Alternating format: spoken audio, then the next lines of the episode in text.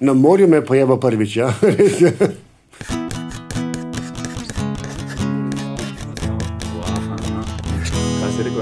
Nihče te ne more izpeti, le sam se lahko. To je pa dobro. Ja, ja. ja evo, naš prvi podcast. Um, imena še nimamo, to si moramo danes spomniti, nekaj pametnega. Kak je ide? Ne še. Glavnem, Rene, v, v, v petek sem šel na Open Micu Koper in ko smo se nazaj furali, smo prišli nekako na lepotice in zver, ne vem po kakšni logiki, v avtu. Mi se furamo, sprašujemo. In ker te niso vsi poznali, smo mogli vse razložiti, tvojo zgodbo. Sem začel. Tam začel. Prvo, uh, da si imel ženo, otroke, pol, uh, da si ugotovil, da si gej, da si imel gej savno, da si imel lokale, da si se pol v London preselil, da, da, da, da si uh, ACDC bil tour manager. Ne? V bistvu sem bil z Bobnarjem uh, od ACDC, Ja, jaz pardon, sem bil na pardon. turneji. Ja. Ja. In pol, da si zbolel in da si se v Mariboru in da si zdaj stand-up. In ko smo šli, ena zanimiva stvar se je naredila, kar se vedno naredi, ko to razlagam, ne? tudi Jure to, naprimer. Folk te dojema kot ono čudnega, kot eh, ne, fuck, to je vsega preveč. Ampak, ko sem začel razlagati, je bila tako malce tišina, pa sem začel še delati, pa oni ne, ne verjamejo mi, ne vem vse, kako govorim, ne, ne verjamejo mi, ampak. Pol je bilo tako malo tišine, malo je bilo čudno, sem gledal okoli po avtu, kaj bo, pa je bil tako en, fuck, jaz to moram videti. ja, v bistvu, v bistvu ja, je bilo tako, um, toliko vsega, da je bilo tako, fuck, jaz to moram videti. Veš, kaj meni je, meni je včasih, uh, mene je preplavil včasih občutek, da živim več življenj hkrati, ali pa da sem živel Ja. vse tri življenja Ja. nekega povprečnega človeka, če lahko temu tako rečemo. Da ne podcenjujem nikogar, ne? Ja. ampak meni se je dejansko toliko stvari zgodilo v življenju, različnih, mm. da je za enega človeka lahko nekomu uh, neverjetno, da je to možno, da je, da je preveč za enega človeka, v bistvu, ne. Ampak jaz sem po horoskopu dvojček, da mi se to delima. Tako da imaš eno. Jaz pa dva, ja. Ja. No, kaj, kaj vse sem še pozabil? Joj, kaj si pozabil? Križanke, na primer. To Jaz sem, bil, eh, jaz sem bil, se veš, rojen Marijo Borčan, živel v Ljubljani, pol v Londonu, vmes sem imel dve taki uh, obdobji, če hočemo reči, ki sta na moje osebno ime vezani, ki mi ime, moje ime je Renato v bistvu, pa sem jih skrajšali na Rene, kar v bistvu oboje pomeni neke vrste renesansa, preporod. Ne? Mm -hmm. Torej imam neko obdobje življenja, ko sem bil normalen, na rekovajih, družinski oče in mož in uh, uslužbenec. In, uh, skratka, To je ne. bilo 20 let, si rekel. To je Ne? bilo recimo približno enih 35 let je to trajalo, ne? to je od mojega rojstva, pa dokler se nisem potem ločil, recimo temu. A, Ne? ampak kak si, to me zanima, ne? Pač, ti, ko si bil v srednji šoli, kaj, kaj si študiral? Pač, hočeš biti učitelj, hočeš Jaz sem vedno videl, da bom učitelj od osnovne šole naprej. Ja, Moja, moja velika vzornica je bila uh, Milica, uh, Milika Partličeva, torej žena gospoda Toneta Partliča. Ona je bila meni idealna učiteljica in mm. sem vedel, da hočem nekaj takega delati, kot ona dela z nami. V bistvu, ne. veselilo te, ja. Ona, to me je zmeraj veselilo. Ja. Tudi sem šel na pedagoško gimnazijo in potem na pedagoško akademijo. Skratka, nisem nikoli imel dobene druge smeri, uh, razen biti nek delavec v izobraževanju javnosti. V tem smislu, ja. to je Ja. vedno moje neko. Ampak, Vodilo. um, kaj hočem. Pač, že takrat si verjetno razumel, da nisi glih navaden učitelj. No, tak. Veš kaj, jaz kot učitelj se nisem nikoli imel za nič posebnega, to ne morem reči. Ja, ampak... Danes, ko me gledam nazaj, pa ko me otroci, bivši učenci spomnijo, včasih sem bil malo drugačen, nisem več poseben. to, ja. No, Veš kaj, takrat so bila leta, ko smo bili mladi, 24 let, prva služba, entuzijast z akademije, ne, imaš Mhm. čist druge pričakovanja kot neka učiteljica, ki je recimo v službi že 20-30 let, ki je mogoče se že izpela na nek način ali pa ne, Ja. že malo mogoče na momente razočarana, naveličana. Če, ne, to, to je normalno v vsakem poklicu. Ne. Ja, In mi smo ja. mladi, smo bili pa potem učencem seveda malo bolj zanimivi, jasno. Ne. Mm. Da se nas spomnijo na drug način, kot pa nekih strogih ali pa ne. Um, No, tudi jaz se spomnim, da drugače mlajši učitelj. Ampak spet je bilo, eni so bili, niso si znali avtoritete drugače Ja. postaviti, kot pa to, da je bil. Mm, no, je to je res, ja, strogost uh, ponavadi. tudi če je bil mlad, ne, mogoče. Strogost ponavadi ne pomeni strokovnosti, ne, niti avtoritete, ampak enostavno Ja, pa sem imel eno tako profesorico. Jaz, uh, uh, nasilo ustvarjati nek status. Ne, to, je- to, je pa, to je pa Imel sem eno Nikoli ne gre, ne. profesorico, ko je bilo To, jaz sem hodil zadnji dve, leto pa pol, sem hodil škimc. To je osnovna šola, mislim, srednja šola v Štorah, bila, mm. medijski tehnik, tam je prej bila, šola je bila um, strojna, ne, ker je pač železarstvo tam Ja, valjda. v tem kraju ful, uh, bilo uh, razvito, so naredili zraven še šolo, da se bodo vsi ti tam šolali. In potem so nekako po nekem čudnem hoteli še spremeniti, ker to je bil Teksas, so hoteli spremeniti na boljše medijske tehnike zraven. Ampak je pol bo samo ono, isto. ne. Pač, tudi, če so bili ne vem, vsi divjaki, ki so bili tam v, v, za strojnega tehnika, so bili pol tisti, ki so prišli za medijskega tehnika, glih tako so ratali divjaki, ker se je pač okolje tako spremenilo. In ko sem jaz prišel tja, to ne moreš verjeti. Mislim, da je bila tretja ura, ko sem bil z njimi, ker sem se sred tretjega letnega prepisal, pa dobim flašo, plastično flašo za kurjen papir pod noge. wow, Like, fuck se dogaja. Ne? In um, pač ja, tudi divina je bila, to pač profesorica, ko je to videla, je bila pač tako, poberite. To je bilo to, to ni bilo sankcij, ni bilo zapisanega, da bi nič ni bilo. Ko smo prišli v matematiki, tišina. Pač res tišina, v nulo. Baba je imela tako pošlihtano. Vse se je osorno je rekla, ni se zadrla, mogoče osorno je rekla, pa full vredi nas je naučila, pa, pa, pa znala je tudi, jel, um, bi rekel, biti uh, nežna, pa na tak način povedati, kaj če je videla. Res, bila je stroga, ampak je znala biti stroga. kako je pa stara? Pa mogla je biti 50, Okay. mogla je biti 45 največ, full težko za Če v teh letih že veš, ne, kaj Ja. ja. funkcionira, pa kaj ne funkcionira. te bi Ko pa si mlad, pa pač probaš. Ja. Včasih ja. hočeš s prijaznostjo, pa se zakolješ, včasih mm. pa se zakolješ z strogostjo. Ne? Tako Ja. ja. pravo mero je treba najti ponavadi ne, v šolstvu. Ja, valjda. Pač šolstvo je kako je. Čeprav mislim, da ni tako slabo, kaj ne jamrajo v Sloveniji, sad te smo tako občutek. Veš, kaj poznam šolstvo izpred 30 let, Mm? Z današnjim bi težko primerjal, v bistvu, ne, ker so se spremenili in pogoji dela in za učitele, in za učence, starši so drugačni. Ne. Družba šolstvo, sebi, ja. šolstvo ni več nekaj, kar bi mene zanimalo, da bi se ga lotil ne, kot po strokovni plati, ne, da bi šel poučevati. Učil sem tudi v Angliji, recimo. Ne. Ja. Uh, absolutno sem bil tam stokrat bolj policaj kot pa učitelj, kot pa v Sloveniji. Ne. Zaradi Veliko več problemov glede vzgoje oziroma obnašanja in Mm. ne, odnosa do učitelja. Ne. Tam učitelj ni nič druga kot ene vrste paznik, da do treh vsi preživijo. Ne. Mm. Če pa še kaj naučiš, zraven pa toliko boljše. Ja, če ti rata. Hecno, ne. Ja. Ja, hec. Tega v Sloveniji nikoli nismo imeli občutka. Ne. Vedno je bilo izobraževanje na prvem mestu, oziroma je bilo delo, ne. uspeh, eh, eh, način dela, rezultati. Ne. Je bilo vedno na prvem mestu. Ne. Tam pa je v bistvu bolj kot ne čuvanje otrok, ne. da se komu kaj ne zgodi. Mm. Mislim pa, kaj pač to je poprečna šola ali kak? To je bila v bistvu šola, ki bi jo pri nas imenovali zadnji letniki osnovne šole, torej 14, 15, 16 Ja, letniki, še puberteta, zeleno, ne, ja. In uh, v šoli, kjer sem jaz delal, so bile je bila populacija zanimiva, ki je pri nas ni. Ne. Uh, veliko priseljencev, veliko Turkov, Grkov, Arabcev, vzhodnoevropejcev. Mm.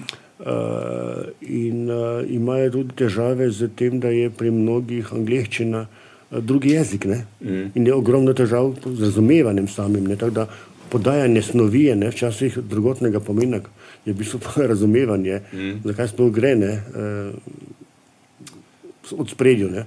Jaz sem bil edini, ki je razumel in znal brati cirilico, sem lahko delal z tistimi, ki so prišli iz Bolgarije, recimo, ne, da smo se sporazumevali. Ja, To je da bilo verjetno tombola, si ne. lažje razložil ga, ja. No, ampak pol, čakaj, ti si bil, si rekel, v Trzinu, ne? V Trzinu sem živel. Ja. Ampak že tam si rekel, da si bil v Impro ligi ali kaj si bil? Ja, v Trzinu sem se pa jaz spoznal za Improligo Ja? in Improligo so nam podtaknili uh, improligaši iz Ljubljane, iz Trnovega, torej iz uh, Kuda France Preširn, z Rozo in ostalimi na čelu. Ne? In so nas dresirali in učili in uh, usposabljali. In takrat sem jaz prišel drugič v življenju za stik s teatrom na tak način. Mm. Ampak improliga je seveda nekaj drugega kot gledališče samo ali pa film, kjer sem tako ali tako že prej tudi bil.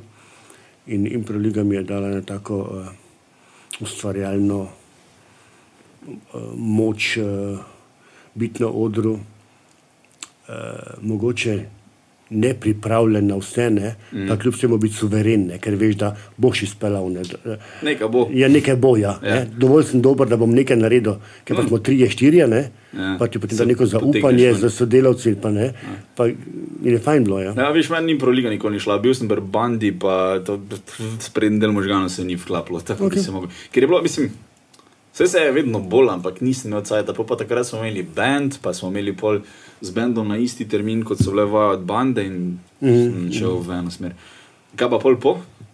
A, Potem? potem po, a, po sem pa začel celo postati malo a, zahteven do gledališča.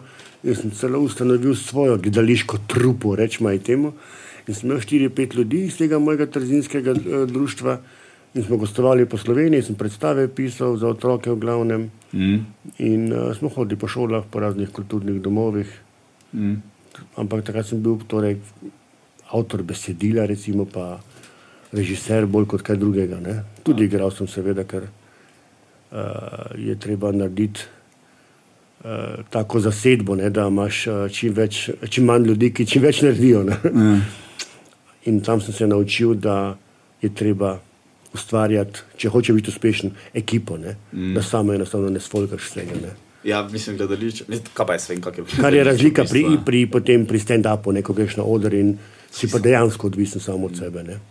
Veš, da, eh, zakaj se od Kuzmana nareče um, stand-up? Zakaj se reče ko- monokomedija od Uroša Kuzmana? Ne, ne vem zakaj. Uh, Glej, sem prebral zadnjič, v, nisem še uspel videti, ampak sem zadnjič prebral v Cajngu, da kaj sta naredila s Perico, da na koncu ni vica. On je to predstavo posvetil svojemu očetu, ko je umrl. Okay. In je na koncu je rekel, s tistim, ko konča, ne vem, čim konča, je rekel, da je občinstvo čaka vic, ampak ni, ne. je realnost pa uh -huh. življenje. In konča zgleda s smrtjo očetja, uh -huh. očeta. In zato ni stand-up, ker se ne konča na tej noti. ne.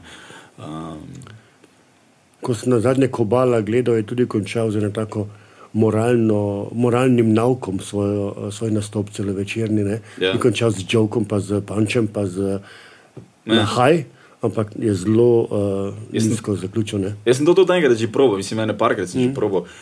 Mislil sem, da deluje, samo je bilo tako, ni bilo aplauza na koncu, mm. pa je bilo tako, ok, jaz sem konc mm. in pa sem šel dol.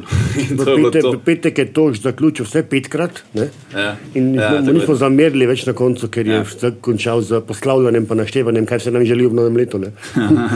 je bra. Ja, ok, kaj bo pol po. V Danem jaz sem v Trzinu začel sem rekel, prvo službo v osnovni šoli, prišel v stik z Improligo in z občutkom, da je teater, eh, nastopanje, javno nastopanje nekaj, kar me res zanima. Kaj sem tako vedno vedel, nekaj sem predtem sodeloval v dramskih krožkih, pa v filmih. Pa. Ja, sam ne moreš to misliti. Tak, ko... Ampak takrat sem dobil potrditev, v bistvu, Ja. ne, da, da je to to. Ne. Ja. In potem sem Vidiš začel. stvar znotraj. Ja, ko vidiš od blizu, seveda. Ja. Ja.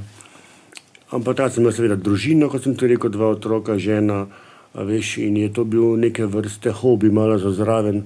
Včasih, tam, če sem pošten, tudi beg od doma, da sem bil malo v neki drugi družbi, ne samo v plenicah, ne pa mm. ne glih tečno babo, tega ne morem reči, pa se lepo razumela, ne, ampak pogrešaš neko drugo družbo, kot pa samo familijo. Ne. Ja, valjda. Mi je bil teater Mislim, tudi da. ne vrste, uh, uh, ne samo hobi, ampak tudi druženje z ljudmi, ne, ki imajo pač iste interese. Ne. Okay. No, in pa sem pa. Uh, Ampak ti, čekaj, ti si imel uh, družino, uh, ščerko sina. ja, jaz imam drugim- res hecno zgodbo. Ja. Jaz sem imel punco, sva se spoznala v osnovni šoli, bila sva prijatelja, prišla me je obiskati v, v vojsko. Uh, in potem, ko sem se vrnil z vojske, sva začela hoditi, uh, sva se zastopila, zaljubila do nezavesti, poročila, uh, odselila v Ljubljano iz Maribora, prvi otrok, drugi otrok. In pol pri 33 se pa mi je zgodila tista Kristusova zgodba, kot pravijo. ja. Se moškemu nekaj pri teh letih zgodi, usodnega, uh, rečemo temu, ne pri Kristusovih letih, da sem imel prvič na dopustu na morju, na Koršuli, bližnje srečanje tretje vrste s tipom. Nikoli prej ne. Na Korčuli. Na Korčuli. Kjer je mesto? Uh, Lombarda. Na Lombarda se imenuje. Lombarda je samo plaža. Ne? Ja, v bistvu je plaža, neki bil in žalce, imenuje se mi zdi. Ampak mislim, da je Lombarda tudi ena taka mala vas zunaj. Možno. Zunaj Korčule. Ja. Vem, ker smo mi tja hodili, dve leti sem bil tam zapored. Um, mm. Prej super družini smo se bolj ratali, kolegi družinski. Ne? Um, bili smo pa neki, veš, kaj je bilo. On je delal nek, nek mehanik, uh, visoko kvalificiran je bil, uh, on je šel za polita na ladjo. Tankerji, ono, to, to ga ni bilo. In oni so imeli prav vilo, veš, ono, ko je spodaj. Če smo bili tri družine v enem, eno leto smo bili tri družine v spodnjem štuku, kar je njihovo stanovanje, noter je bila, klavir je bil noter, Oh, wow. uh, takrat so še kasete, bile video rekorde, vse stanovanje je opremljeno za družino. Oni so se samo poleti gor preselili na vrh, spodaj so pa oddajali. Ne? In tu noter smo bili. In, že tako je bilo hecno, ful. Um, tam tak nikamor nisi imel zdaj. Tam je bila še ena bajta, ko pač ne boš šel tja, ker pač so sosedi to, ne, pač ne moreš iti tja. Lahko si se pelal, ampak bil si tam s to družino, bil si praktično v njihovi bajti, v njihovem stanovanju, noter, če, če je bilo Aha, klavir, je ja, bil ja. noter, ker ga je ščerka pač špilala in so ga kupili. In mi smo spali tam noter. Tako da je že to malo bolj intimno, lo, verjetno. No? Ampak poko so nas začeli vabiti na, seveda, na večerjo zvečer, malo vina, pa tako, ne, smo še frocte. Ampak smo se ful, ful, ful uh, povezali. No. Oni so pol hodili še smučati k nam, ker dol tak ni snega, pa tega. Um, zakaj sem sploh začel to govoriti? A ja, da poznam Korčulo. Uh -huh. In vem, ker smo bili enkrat na Lombardiji. Uh, No, mene se zdaj spomnim s to zgodbo, da smo mi tudi hodili vsa uh, poletja uh, na en otok, ki se mu pa reče Veliki drvenik, ker je imel fotor enega kolega iz vojske. Uh -huh. Oni so k nam hodili na smučanje na pohorje, ja. in pa k njim na morje vsako poletje, ja. tako da to je bilo nekaj podobnega. To je to je v jugu bilo doskrat, ne, da so imeli ljudje ene take eh, vojaške kolege, prijatelje, so imeli prijateljstva za, do smrti, ne, še zdaj se je bilo mama s preživelimi člani familije, ne, ja. za novo leto sliši ali pa uh, si kako razglednico napišejo. In to poznam, ja, ta poletna, poletna um, izmenjava, pa zimska izmenjava. Ja. Mm. No, ja, in potem sem tako odšel, imel ta konflikt interesov, mu lahko rečemo, ne? kaj se zdaj dogaja se z mano. Ja. Ja, mislim, lepo nisem tako. Ne, saj res, ni nič narobe, ampak ja, razumem.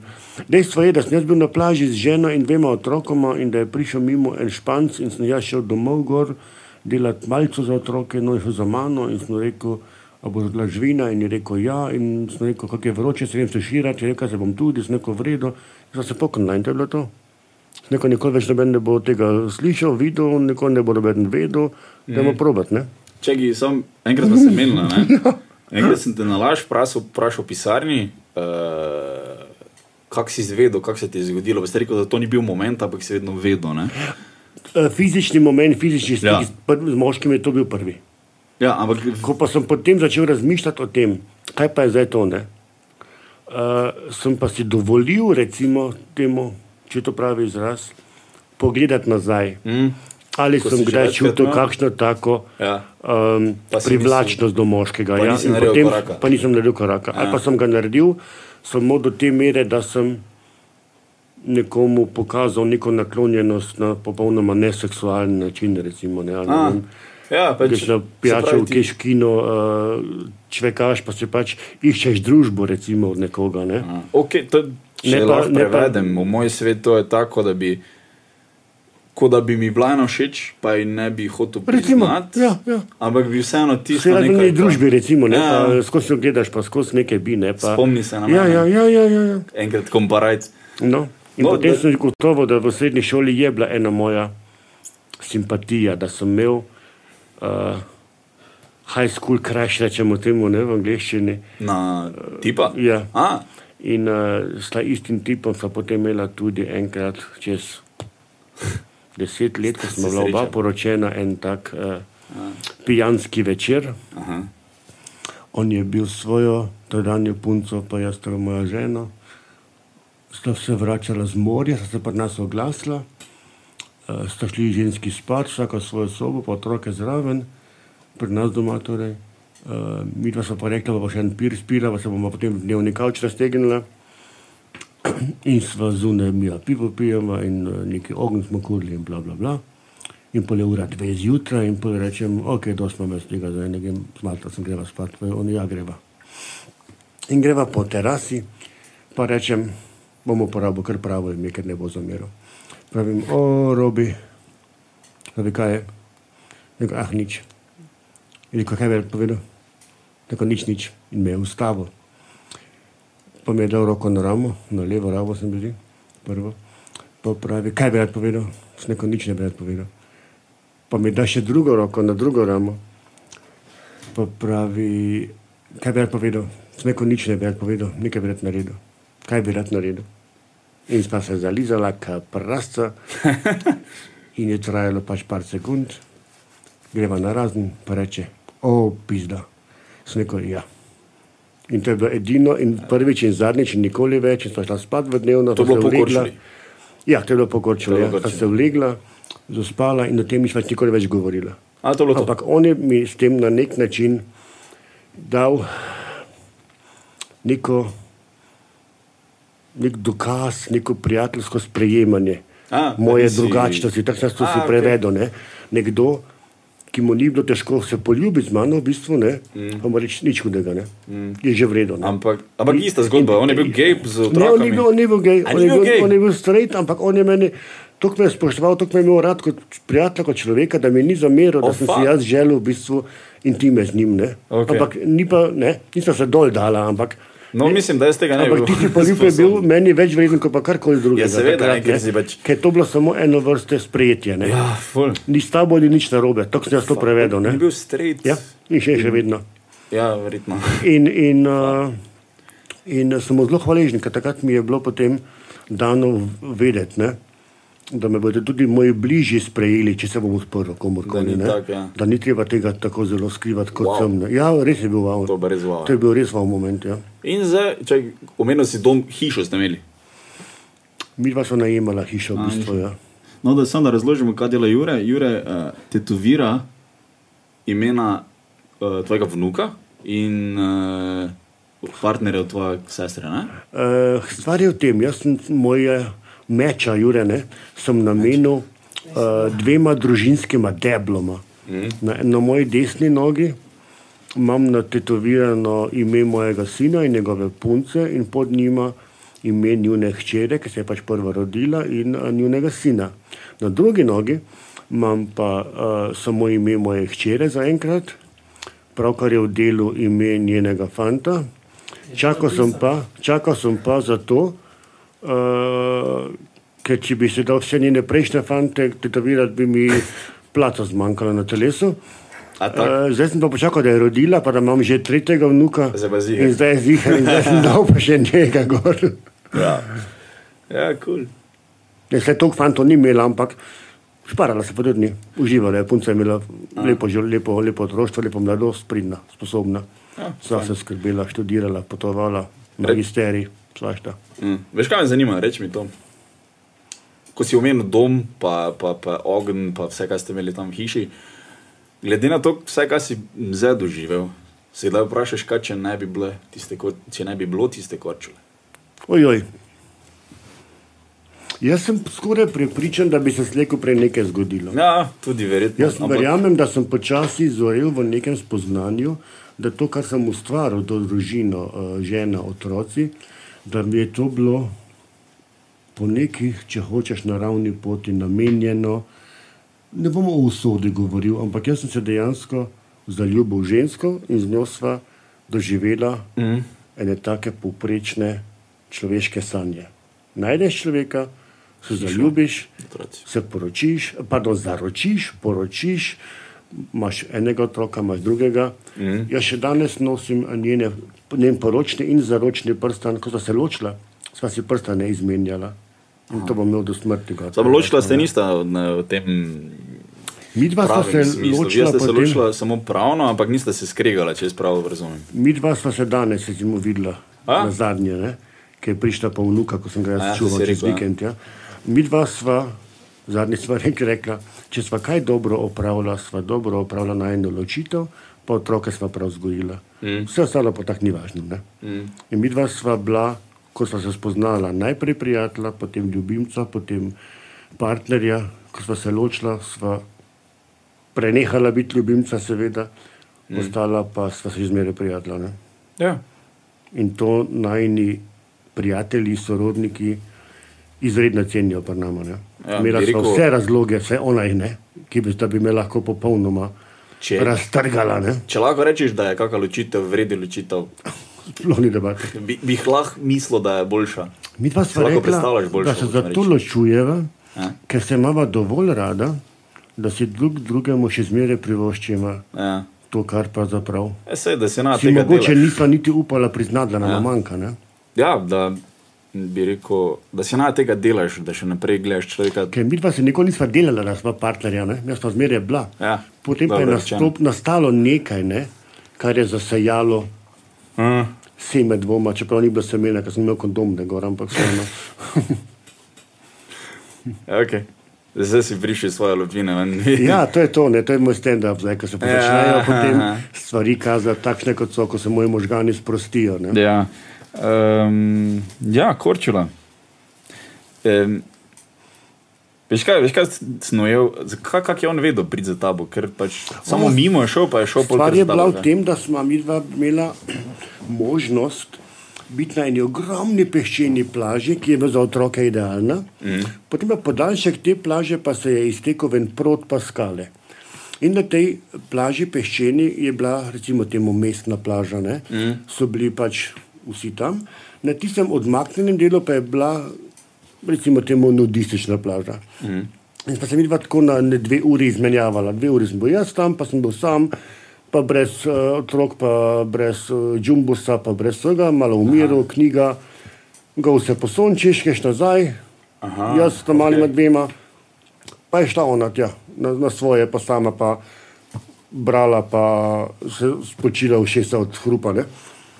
Uh, no in ko sem bil jaz v tistem, uh, tistih dveh urah na tisti plaži sam, je ta španec, ime mu je bilo Javier, to je vse, kar vemo o njem, uh, prišel in je bil v bistvu on um, vojak Umprofora, ki so bili takrat v Bosni, pa so jih čez na korčeno dopust vozili. Aha, No, in on se je tam pri meni zraven ulegel, s biciklom je prišel in rekel, uh, začel sem po Ljubljansko vleč, pazite, fora, ker govorim iz tistega obdobja, ki sem bil v Ljubljani, fajn.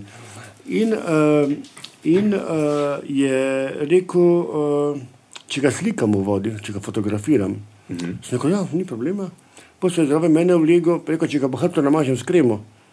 mm. Uh, in pol sva oba trda ratala in pol sem se usral, ne, pol sem se ustrašil, voda fakt se pa dogaja zdaj, ne. Kaj pa je zdaj to? Jaz sem pa zdaj odreagiral z erekcijo na moškega, kar se mi še nikoli ni zgodilo, ne. To je bil čist fizični dokaz, da ne, Ja, da. zburjen in ne je. kaj blefirati, ne, da se Ja. nekaj pa zdaj tu bo, ne. In sem se ustrašil. Ja, pa naga sta bila. Ja, A, ja, seveda, ja, ne, a veš. Ker sem zdaj še diral Ja. kopalke, pa se je Ne, videlo, ne, ja, ne, ne, ne, ne, ne. No in potem meni je bilo nova panika, takoj, kaj se dogaja, voda fakt ni dovoljeno, ne smem, da da dam. Spakiram tiste moje brisačo in žakl in grem tja nazaj k ženi. A on bombar z biciklom za mano. In pride potem tja do, do, do žene, pravim, grem gor do bajte narediti malce, popoldne do ure ne 4-5.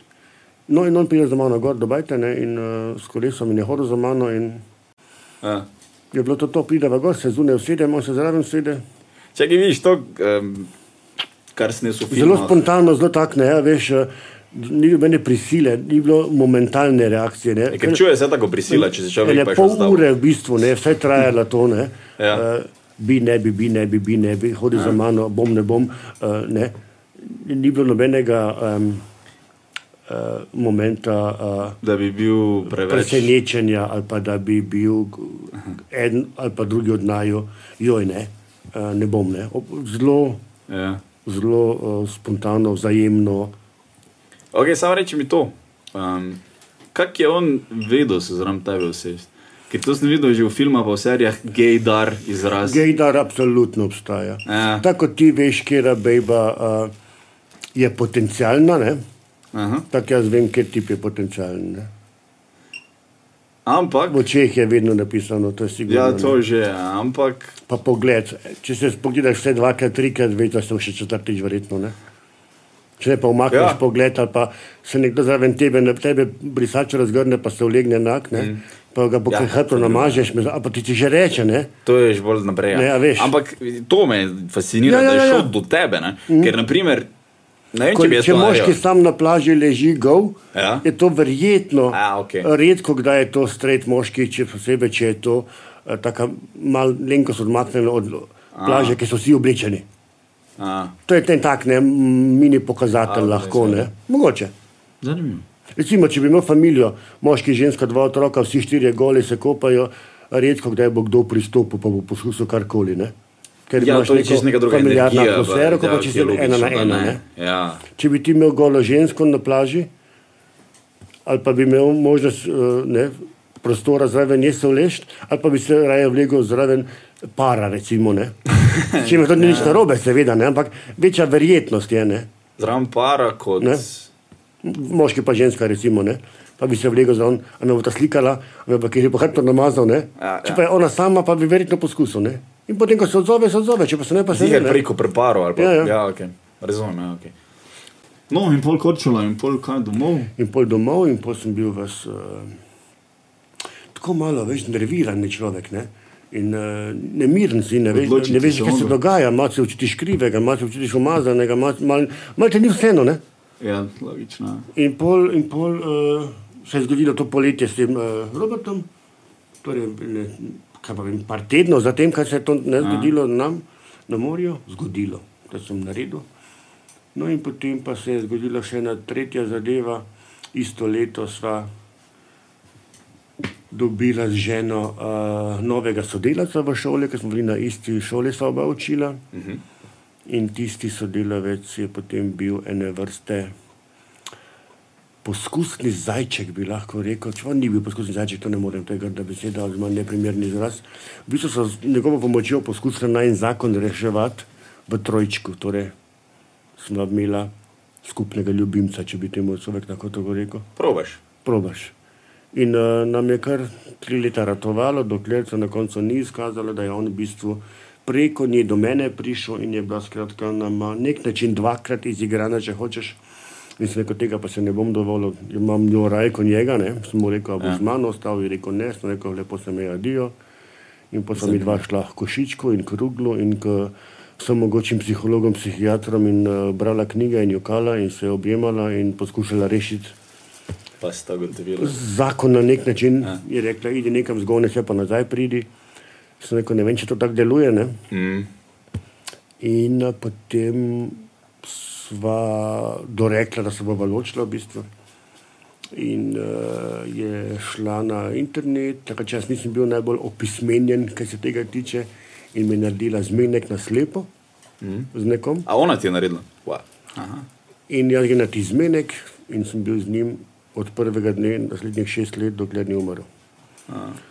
Vse božiče smo skupaj preživeli, potovali smo skupaj. Se pravi, skratka, ti, tvoj partner in tvoja družina.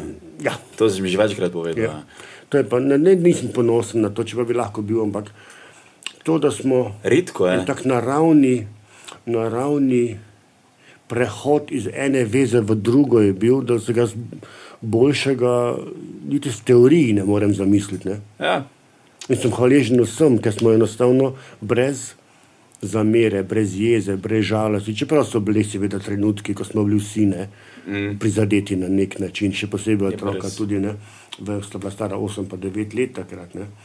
Ampak jaz v današnjem mojem socialnem krogu imam veliko ljudi, veliko moških, približno mojih let ali pa malo mlajših, ne, ki so v veliko primerih poročeni ali ločeni z otroci, ne, mm.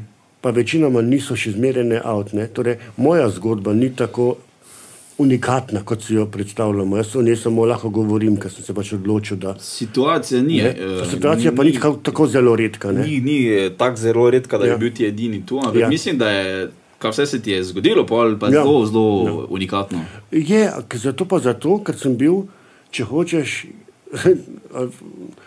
bil celo nagrajen za to mojo iskrenost, odprtost in Ja. uh, direktnost. In nisem nikoli nobene zavrnitve doživel od nikogar, Mhm. ne od familije, ne od sodelavcev. Učenci so za me vedeli, starši v šoli, jaz sem popolnoma avt na televiziji, whatever. Ne. Začel sem celo posel, gejovski, če hočeš, od uh, Tifanja na Metelkovi vodi do lokala za Ljubljanico, do gej savne za Bežigradom. Skratka, ne. Mm. Meni je ta coming out, ta pre, pre, preporod, kot sem prej rekel, ne, prinesel v bistvu Dosti. pravo ljubezen, če hočeš reči, čeprav jaz ne morem primerjati ljubezni do moje bivše žene, pa do mojega mrtvega partnerja, nikakor, ker sta dva- to dva različna človeka. Ja. Ampak ljubezen sem gotovo, je samo ljubezen. Ne? Mm. Ljubezen nima spolovila, niti ja. se ne ozira na njega. Ja. Uh, in uh, je to dejstvo, da sem na koncu bil z obema srečen, vsakim drugače, vsak mi je dal nekaj drugega, vsak je lahko od mene tudi sprejel nekaj drugega. Ne? Ja. sem se lahko razdajal na več načinov. Jaz sem v bistvu osrečil vsaj ne, dva partnerja, če ne več njih. Ne. Ja. Ampak z bivšo ženo ne bi nikoli mogel No, verjetno bi. takšnega odnosa, kot sem ga imel z njim, in obratno, seveda. Ja, verjetno, če bi imel še eno ženo, potem bi imel Ja, tudi drugačno recimo, ljubezen, ja, se pač- recimo, ja. Tudi človek se spremenjaš in navezuješ na Ampak tiste dejstvo druge je to tudi, ne, da sem v bistvu s tem, ko sem jaz moj coming out naredil, šel na neko gej sceno, če temu tako rečemo, kar vidite, da res je. Sem postal gej scena, sem začel ustvarjati. Zaradi mene se je spremenil način življenja mnogih gejev v Sloveniji, ker sem mm. enostavno začel ustanavljati neke infrastrukture, v bistvu, ne, ki je prej ja. Ni bilo. Ne. V bistvu na to nisem razmišljal na korčoli. Ne. Kaj si šel? Ja, O tem nisem ja. razmišljal, ne, ampak naravna posledica vsake odprtosti, odkritosti, iskrenosti, direktnosti mm. potegne za sabo, ne, uh, kot da snežina kepa, ne, ko, ko ne veš, Ne veš, kaj bo. Kaj bo, a bo Kaj bo plas, ali bo snežak, ali bo iglu, ne, Ja. Ampak čakaj, k- jaz sem tako pozabil, kaj sem mislil. čudega. Um, Hotel sem reči, da. Um, Zato reči, da ljudje, ki se ne smejo bati tega preklopa, prestopa iz česar koli, ali iz enega zakona z žensko v zakon z drugo žensko, ne, drugega. vedno je življenje po zakonu, ne, življenje po življenju, če hočeš. Ne. ja. In ni treba nikoli za nazaj podirati mostov, ne, oziroma za eno stvar uničiti, da bi, moral, da bi lahko drugo lahko druga začel. bila, ne. ja. Dovolj, da rečeš, čakaj malo, a si ti še zmeraj srečna. A, a, a, ti, a, a, a ti dajem to, kar ti lahko dajem? Ne? Mhm. A, a, a, a res ne, a se lahko zmenimo, kaj ti manjka, kaj ti ne paše. Veš, ker meni to pa to ne, tega ljudje ne naredijo. Ljudje pri 40, 50, ne vem kje ne, bi morali narediti neke vrste, to, kar delam jaz zdaj, ene vrste inventuro življenja Inventura. če se hočejo naprej premakniti. Ne? Enostavno ljudem, ki so jih prizadeli, oziroma ki smo jih prizadeli, ne? Se opravičiti. Ljudem, ki so nam ogromno dali, se zahvaliti, potegniti črto, pa reči, kaj pa zdaj. A ostanemo mi dva skupaj, smo sposobna nadaljevati, si sploh želiš nadaljevati, ni se treba skregati, ne? ampak a se damo drugo šanso. A se moramo ločiti, ne, nama ni treba, ampak jaz bi rad to pa to, a mi ti lahko to pa to. Ne? Ljudje nismo navajeni komunicirati na takem odkritem nivoju. Ne, res nismo, Neka ne. ekonomija, neka, neka obveza, neka, neka eh, kaj pa vem, misliš nas drži ekonomija? skupaj. Ne? Ja, stanovanja, avtomobili, stanovanja? krediti, whatever. Da je ne. bolj to pomembno, kot je druge. To je veliki večini, ko jih opazujem. Mm. Uh, pomembno je kot pa to, da so srečni. Mm. Reč imajo prav, ne? Ja. Reč živijo po reglcih, pa kaj bo kdo rekel, ne? Kot pa veš kaj. Ja. Vidva pa nisva več za skupaj. Inventura, oziroma inventura je naslov tvoje nove predstave, še Inventura je naslov moje predstave, ki je v nastajanju. nastala, bo februarja kje. Nastajala bo pa cel februar v bistvu v uh, Mariborskem lokalu Salon, to je bivša velika kavarna na glavnem trgu. In sicer se bom preselil tja za cel mesec, cel februar, od 1. do zadnjega, oziroma od 1. februarja do 1. marca. Ja. Bom stanoval tam v lokalu, v zadnjem delu in bom pisal knjigo, delal inventuro življenja, povabil sem par ljudi, s katerimi bomo malo spomine obujali, pa se malo. Uh, In tudi predstava, ne? in iz tega bo potem nastala predstava. V bistvu, Ja. Predstava, ki, ki, s katero namen je povedati ljudem, še posebej slovencem, ki imamo tako močno uh, uh, nočem strah pred, kaj si bo kdo mislil, kaj bo kdo drugi rekel, kaj bo sosedje. Kaj bo, da je treba enostavno včasih reči, da se bom pa usedel, hmm. ali za en dan, ali za en teden, jaz se bom za en mesec, ne, Ja.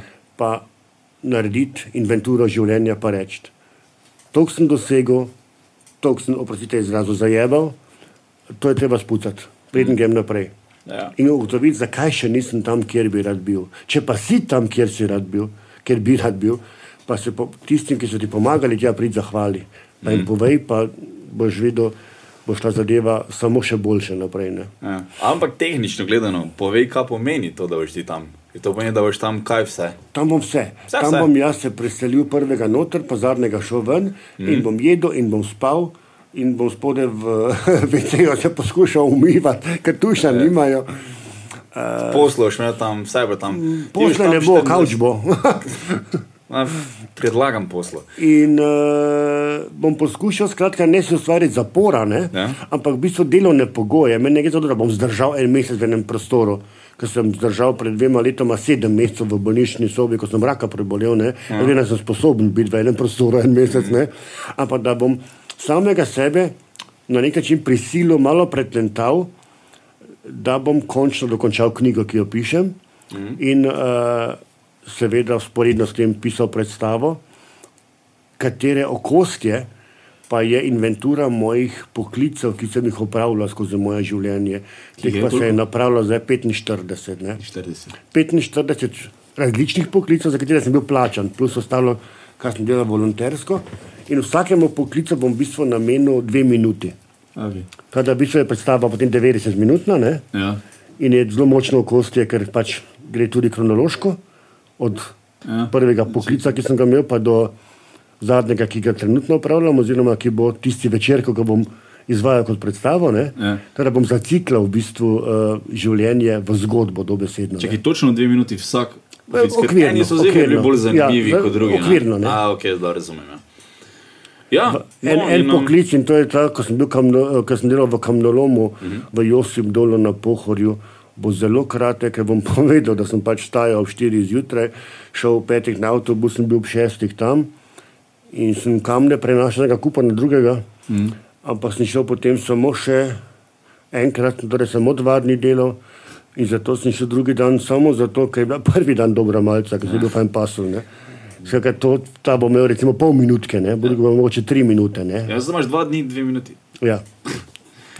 Da, v glavnem, ki smo stara, da si pustil družino, pustil si vse. Vidiš, to je dober izraz, to sem te ujel, da sem pustil družino, to, mi- to sem slišal večkrat. Ja? Jaz pus- družine nisem nikoli pustil. Ne. Okay, ja.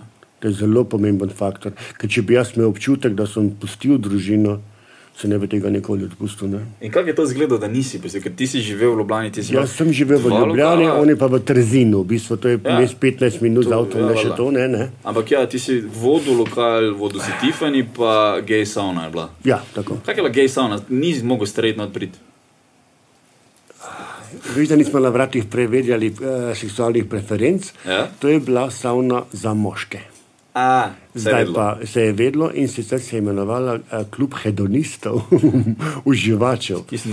Imeli smo celo novinarje mladine, ki so naredili dvostransko reportažo, Denis Arkič je fotkal, mm. novinar je prišel, smo jih razkazali, zmasirali, se pohecali, posavnali.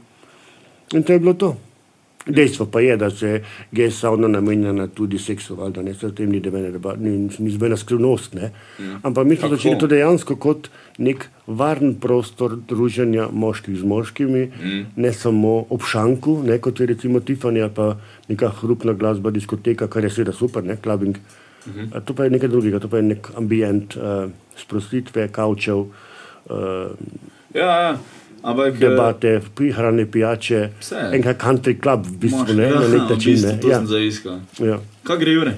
V redu, V redu. osmo. Pri, kjer ima v Leonu. Ne, ne. Uh, ja, v bistvu, eh, to me zanima, kako je izgledalo to, da si vseeno bil povezan z družino. Ker ne samo, ker verjetno. Moj sin je pomagal graditi čang v Tiffanyju. Okay. Ampak predvidevam. Delo je v gej lokalu za Ljubljano v Lanu, recimo, ne, Kenaro. Um, V Londonu pa skupaj vodila gej lokal. A sinu. Ja, pa njegova punca. V glavnem predvidevam, da tako se zdaj oblačiš, naprimer na odru, se nisi oblačil, preden si, si šel, Aha. si se ločil od žene. Uh, kar se tiče mojega outfita, oziroma mojega odprlo, verjetno, ne? provokativnega odrskega, odrske pojave, rečemo temu, v glavnem so to visoke pete, oziroma pete, ki jih obujem, ko grem na oder. Jaz sem to neko vrsto, um, ni nujno, da je to travestit, ne, ampak eh, temu se v naših krogih reče cross-dressing, skratka nekaj med moškim in žensko, ne, nešto između, v bistvu, ne bi po Aha, domače ne, lahko rekli. Uh, ker eh, meni nikoli ni bilo zanimivo biti ženska, ne? Mhm. ampak na odru se pojaviti v moški obleki, visokih eh, petah in z eyelinerjem, Mhm. je pa malo da ne ena taka dualnost moja, ki jo čutim v sebi v bistvu. Ne, Aha. ne da nisi moški, da si moški, ki bi želel biti ženska, ker to ni res, ne. Mhm. Ampak uh, si nekdo, ki si privošči provokacijo. Prvi vrsti. In, nekdo, ja, in drugi, uh, drugi vrsti si dovoliš uh, priti v nek stik z tako ali drugačno, če hočeš, feminilnostjo, žensko, neko drugo energijo v sebi, v bistvu. Ne, Okay. ne da se pretvarjaš, da si drugega spola, to sploh ne. To so potem uh, razni uh, travestiti, ki grejo v ekstreme, od make-upa do lasul, do vsega ostalega. Ja. Meni je bolj interesantno, ne, da se moški v petah na odru pojavi in uh, reče, uh, ja, meni dajo pete energijo, tako da je vsaki ženski. Ne. Eh, Meni dajo pete uh, drugačnost, meni dajo pete um, uh, vzvišen pogled na vas. Jaz jih pete, pet, s petami ne, dosežem uh, efekt uh, uh, moči, nadmoči celo. Ne. Točno to si razlagal zadnjič v KGB, uh, ne na tak izčrpen način, ampak se spomnim, da ko si začel razlagati, da imaš pete, pa ono, da ti posta- poudari Ja. po ustavo. In pol moja kolegica Monika, ja. In ko sem gledal posnetek, sem se vedno smejal, ker sem ga trikrat ali štirikrat pogledal. Ampak ja, ja. sam čuješ Moniko, mes, ja, res je. Ker hec je tem, ne, kadarkoli sem jaz na odru, oziroma ko sem na odru, ne govorim namišljenih zgodb, ne, Ja, ampak se, si drznem govoriti resnico. In ne, ko govoriš resnico, ko si iskren, ko imaš integriteto, ne, ja. ljudje to sprejmejo, tudi če jim ni všeč. Ne, Ja.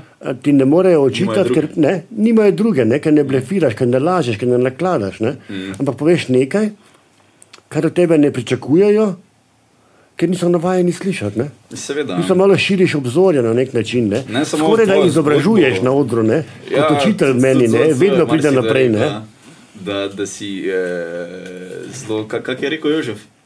Da sem didaktično razlagal, Didaktično didaktično razlagal.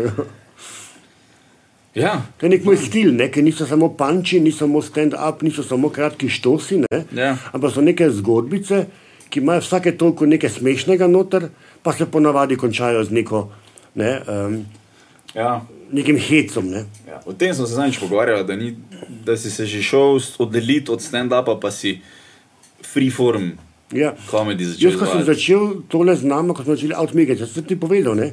meni ni interesantno postati en popoln stand-up komik, ampak pripravljam predstavo, ki bo imela elemente stand-upa, elemente ja. repa, elemente komedije, elemente SNM-a, ker bomo imeli tudi bičane na odru. Ne?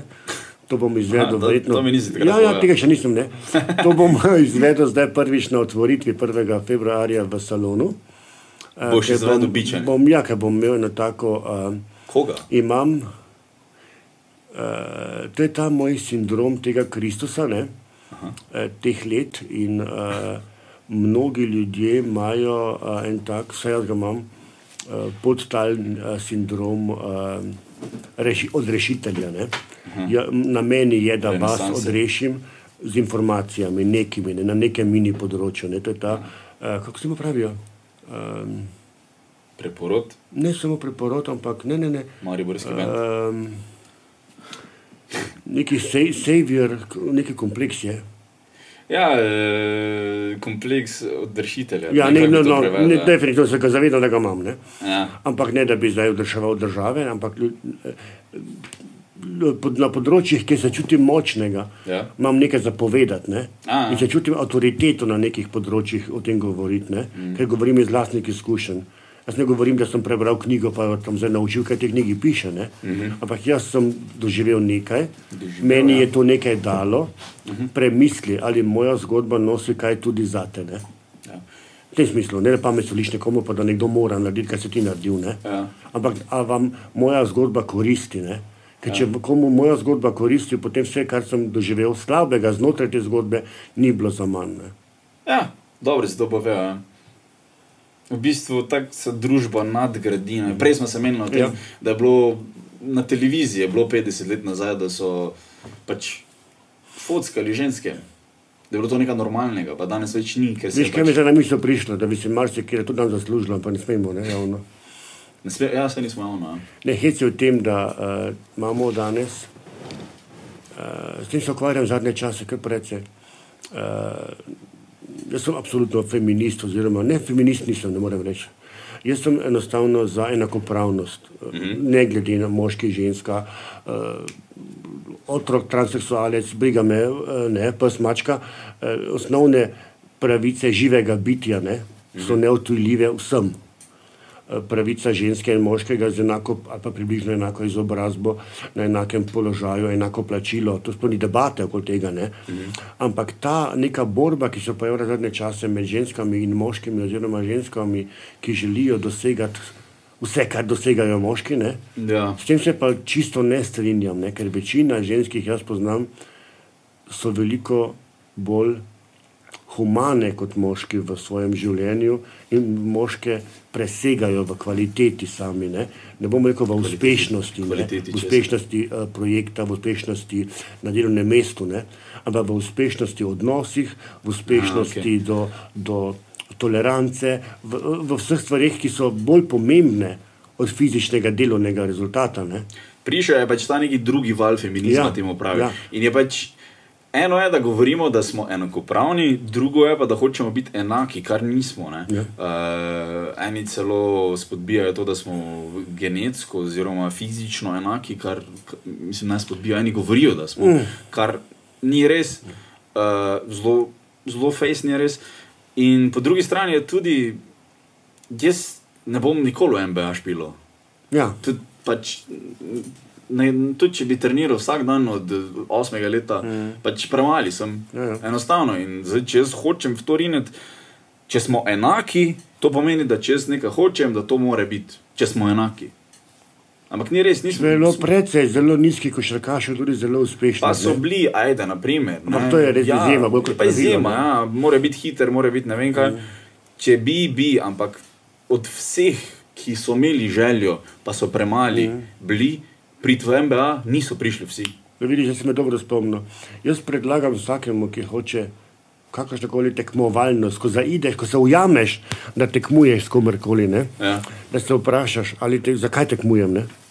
Ja. Ja. Zaradi dokazovanja, Drugim. ali je to, kar v čemer tekmujem, res to, v čemer želim biti dober, mm. ali je to res to, v čemer hočem tekmovati, Ja. ali hočem to res do perfekcije izpiliti. Ker če hočeš, potem ne rabiš tekmovati, ne? ker potem moraš biti tako ali tako v svoji kategoriji, ker to si ti. Ker, ker delaš to, kar te veseli. Oziroma, Problem je samo glede zunanjega vrednotenja, verjetno, ne? kako družba vrednoti ženske, kako družba vrednoti moške. Ja, to pa pa moramo priznati, isto. definitivno, da so ženske na slabšem, ne? to pa nikoli ne vate. so, se strinjam, ampak se mi zdi, da tudi ne toliko, koliko si eni hočejo, koliko eni hočejo prikazati. Ja. Od primera do primera. Moja žena je zmeraj več zaslužila kot jaz. Zato se nisem jaz nikoli nič slabega, pa manjšega, pa kak drugače počutil. Ne? Čist en tak eh, banalna zadeva, sicer, ampak lani je bilo statistika, da so moški preživeli 12 uh, dni na bolniški, poprečno, uh, ženske 18. In nismo enaki. Ne? To ja, ampak pri ženskah veliko pozabimo, da so vzele bolniško zaradi otroka. Moški jo redko. Ne, to, je, to se gleda porodniška. Ja, zaradi otroka. Ja. Ja. To je Ja, doskrat. Okay. Statistika je kurba, ne? statistika Ja, ja, je, je lahko ja. obrnemo, kako želimo. Ne? Ne Ker vem, moški, jaz sem točno- bil na porodniški, recimo, sem bil 9 mesecev doma z otrokom. Šta žena dela? Kaj žena? drugem. Je šla delati? Mhm. ker sta bila otroka ra- med sabo, sta imela eno leto, pa 14 dni sta imela razlike. Ja. Oba sta rojena aprila. Pri drugem otroku je rekla, uh, da je možno, da greš ti septembra na porodniško, jaz pa nazaj v službo. E, koliko doma cajta to bo rešim. ona bila na bolniški? Ne, kako Od aprila do septembra, potem do, do avgusta, ne? Štiri mesece? Štiri mesece, pa ti si še imel bolj devet. Ja, ali nekaj, nekaj takega, no? A. A osem. Nisem imel, kako to izgleda. sploh. Ja. ja, 12 mesecev, ne, na enega otroka. A ja, tako dobiš? Ja. Prvič. Mislim, vedel sem, da Aha, veš, zakaj je bilo? Je bilo od septembra do junija, pa potem še dva meseca poletnih počitnic, tako tak, ne? A. Zato je bilo, ja, res je, ja. to sem za malo zobeksal. Okay. In sem bil doma z otrokoma in smo imeli celo bajto, smo najeli, kmetijo smo najeli v Komendi, Mostah pri Komendi, pri Kamniku gor.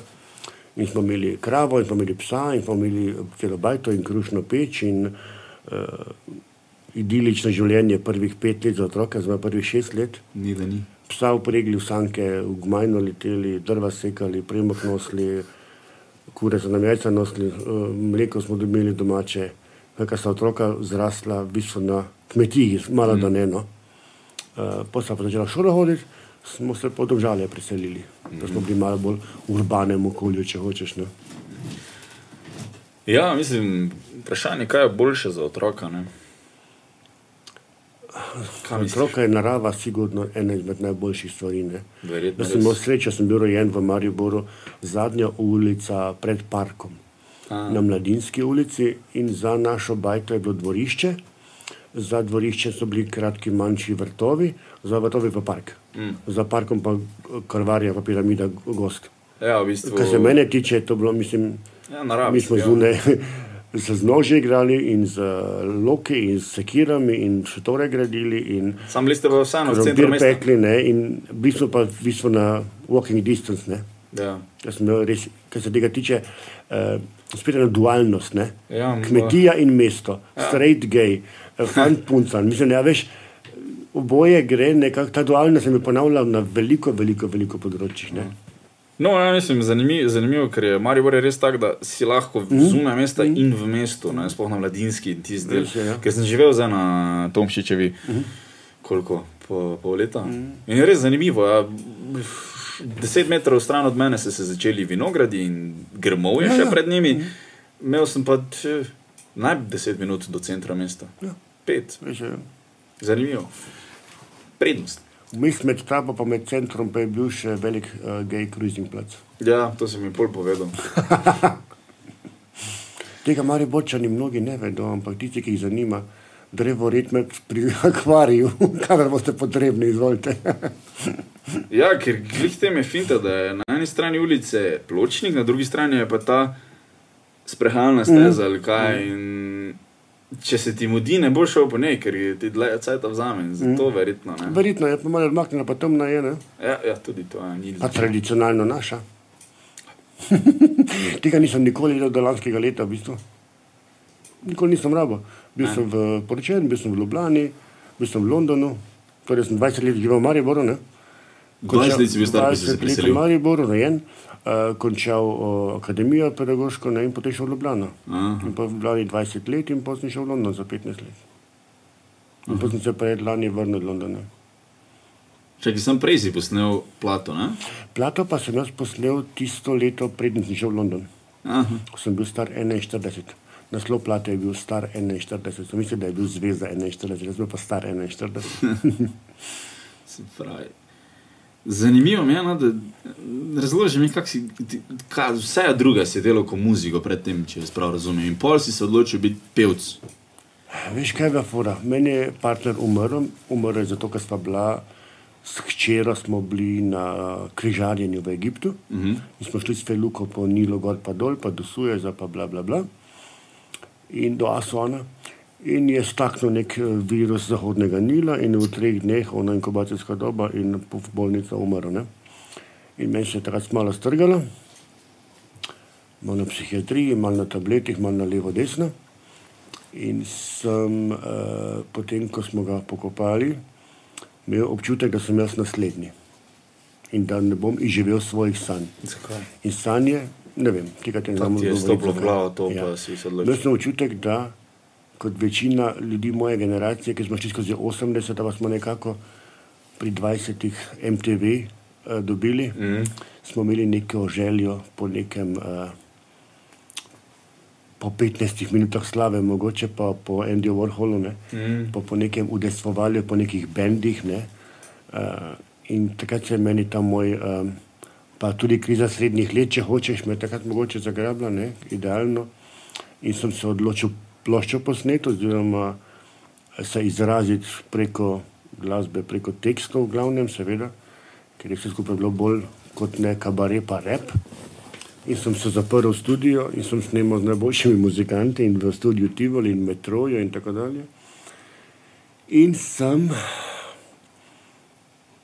posnel plato, najel križanke, naredil uh, koncert, uh, povabil goste od Helene Blagne, pil duet z Nacitom Junkarjem, Darja Švajger, še zdaj ni dolžen, najzadnji nastop, Alenka Godec, uh, Anja Rupel, Partizani, 26 trebušnih plesalk, uh, šest slovaških striperjev, tipa Bejba sta v živo seksala na odru, jaz na repo okoli njiju. Aha. Widescreen in potem rekel, fajn sem majhen in sem šel v London. Za A 15 Odločil si se, to boš naredil, pa šel v London. Ja, meni to nikoli ni bil interes nekega finančnega uspeha ali pa da bom zdaj glasbeno kariero. Ne. Jaz sem hotel imeti plato in koncert v Križankah in sem ga naredil. In spušil ščitnarja. Se to me zdaj zanimalo, ker to Totalna, se totalna ne, psihoza, totalna, totalna paranoja. Ne. ne, Ampak a, ne čuje se to to mora poceni. biti to. Ne.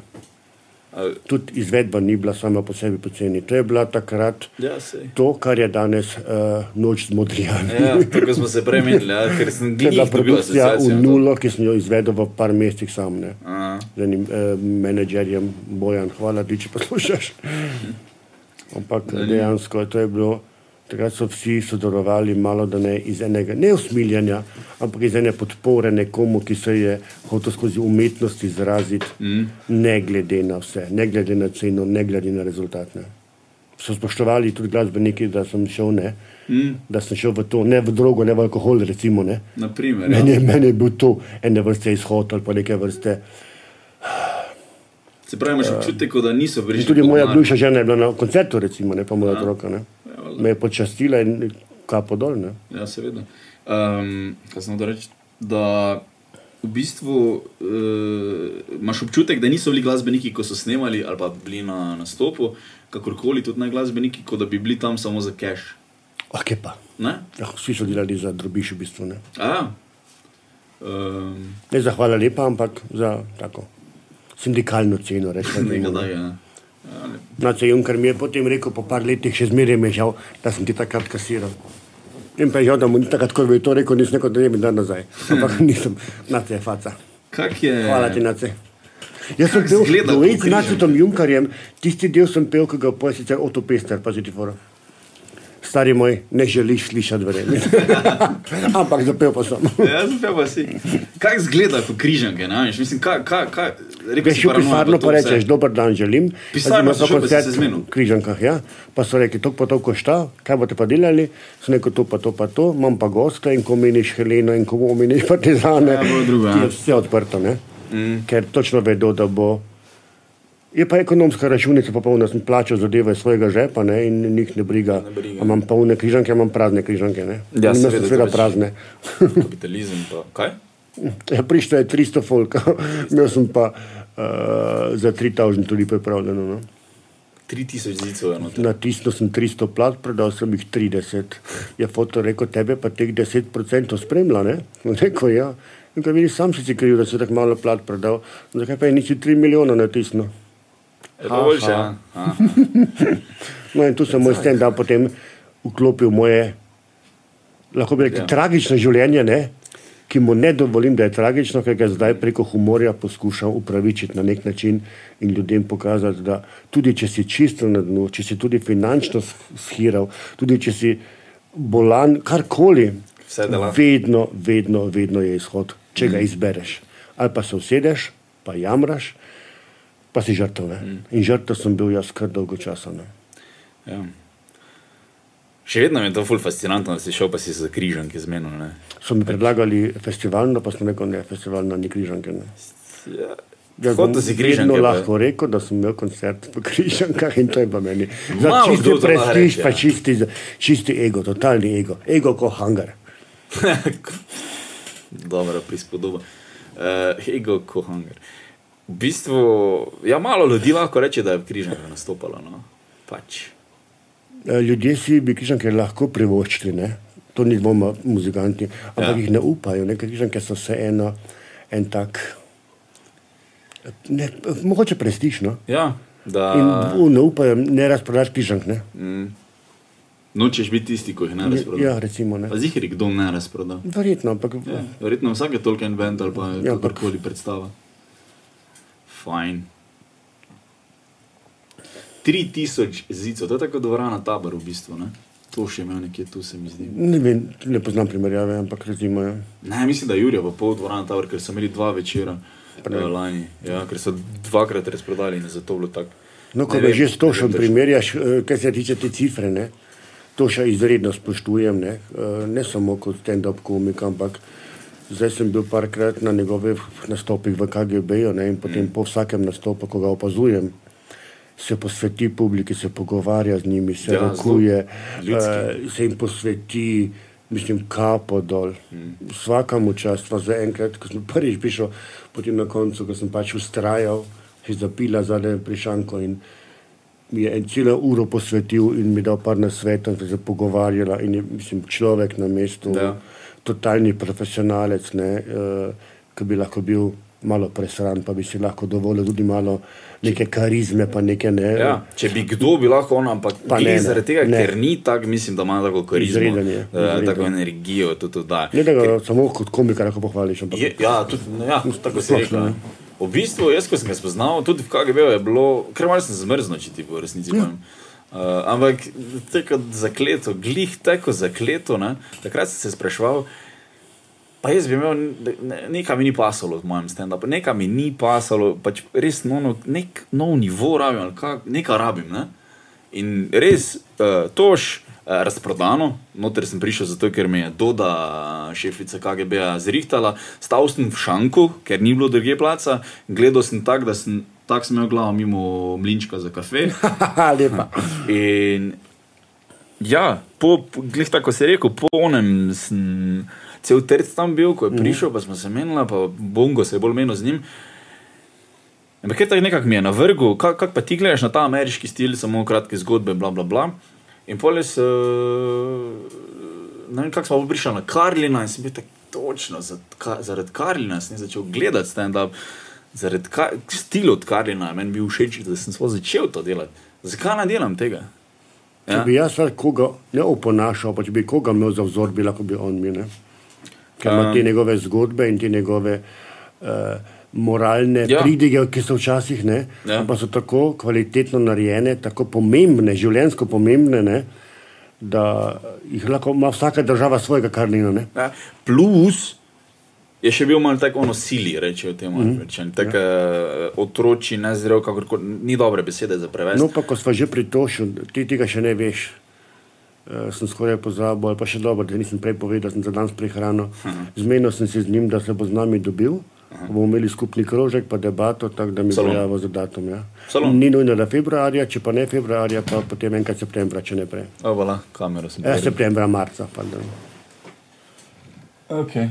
Malo smo se premaknili, Davidu je noga trznila, ko smo omenili, da bomo imeli stošen Ja, ker, ker delavnico. uh, sem že študiral, kaj bi za sebe vedel, kam moram. Skratka, ja, in je rekel, naj se zmenimo, o čem bi se radi pogovarjali, kaj bi radi vprašali in da bo prišel. Cool. Jaz sem rekel, če bi prišel pred, če bi prišel v februarja pred uh, predstavo v KGB-ju, za pol ure nas malo pozdraviti, uh -huh. pa je rekel, da februarja bo težko, pa da ne bi on za pol ure hodil, da si bo čas vzel, da se bo pošteno usedel, da se organiziramo. Uh. Tako da ja, to še sem ti zrihtel za ne mentorja, ampak za sogovornika za eno Sogovornika, ja. od naših delavnic. Fajn. Prosim, si ga vreden, si ga zaslužiš, tudi ti si uh, dolžen v te avtomigece kar nekaj, ne, ne Ja. samo časa, vsega ostalega tudi. Ne? časa, nekaj denarja. Tak, vedno je minus, no, eh, bilo koga povabiš, kak je, ampak hecno mi je, zdaj sem poleg Tina vodopilca nastopil in je opazil človek, da v KGB dobiva zgleda mailing list ali kaj. In je opazil, ja, da se dela stand-up, da se dela odprti mikrofon. In rekel, "A, to ti zgleda organiziraš, ker je pač zgleda, vedno vidi moje ime napisano. In um, mu rečem, je rekel, kak je. In sem rekel, pa tam pi, 20 ljudi, pa rekel, v tujini bi ubijali za 20 ljudi na stand-upu, mislim na, na odprti Mislim, ne mikrofon. predstavljamo niti, ja, kaj imamo v bistvu. Ne, s tem, Sploh s KGB. Pa še ne pozabi, še nekaj je. Ti profesionalci, kot je tim eh, tošne, oni najno delo, ali pa ja, najno bom rekel, ker se čutim tudi malo, da sem prispeval, cenijo. Ne?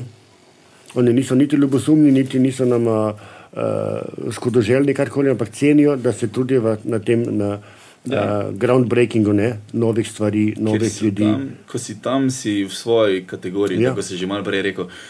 Ampak ko si v svoji kategoriji, ljudje se radi odmaknejo od baze. Ne? Večina naših se Mogoče. pa ne. ne? Mogoče. Ja, mogoče. Je fajn.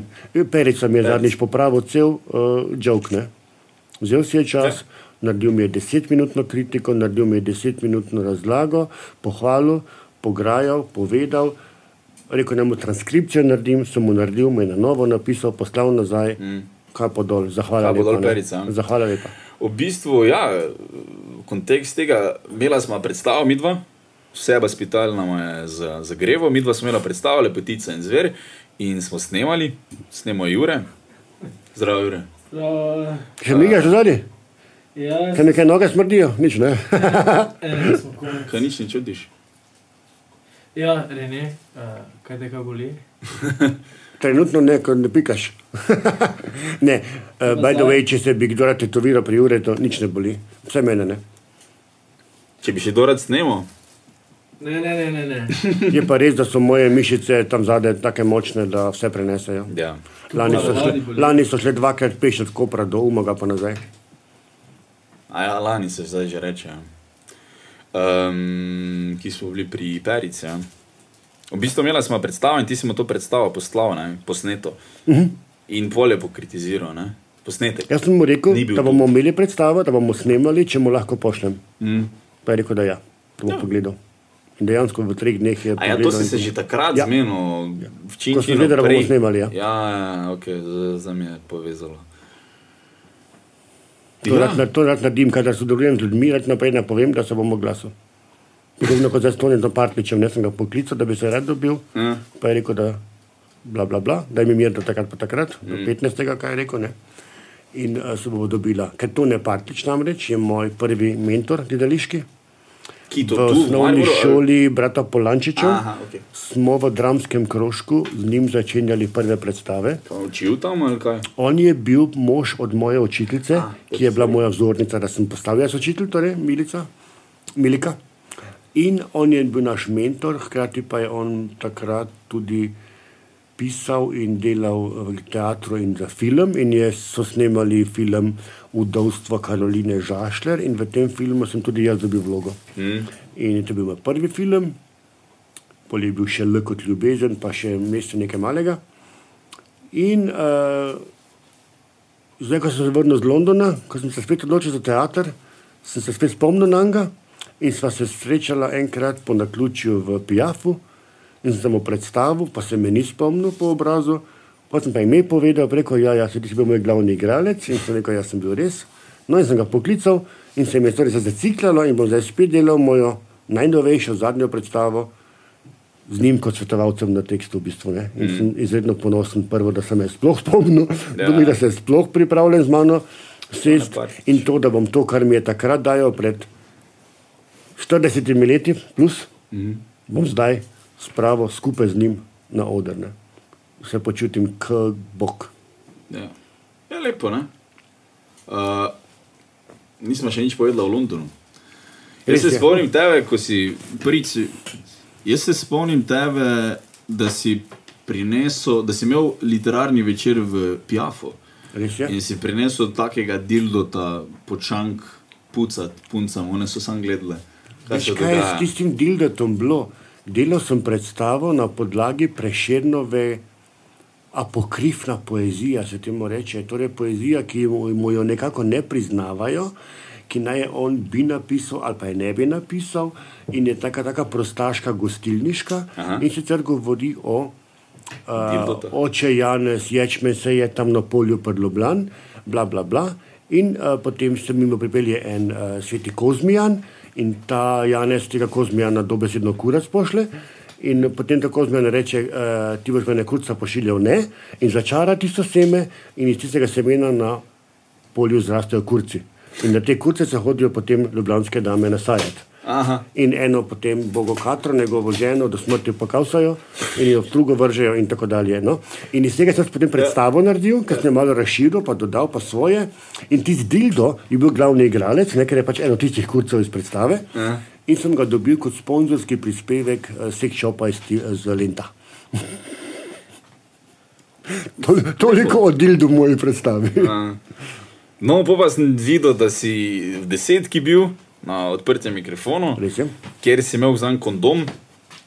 Kaj, kak si imel, gor si ga imel? Veš kaj, jaz sem pa rekel na tisti predstavi, da sem prvič v pravem komedi klubu v Sloveniji in to je naše prvo srečanje.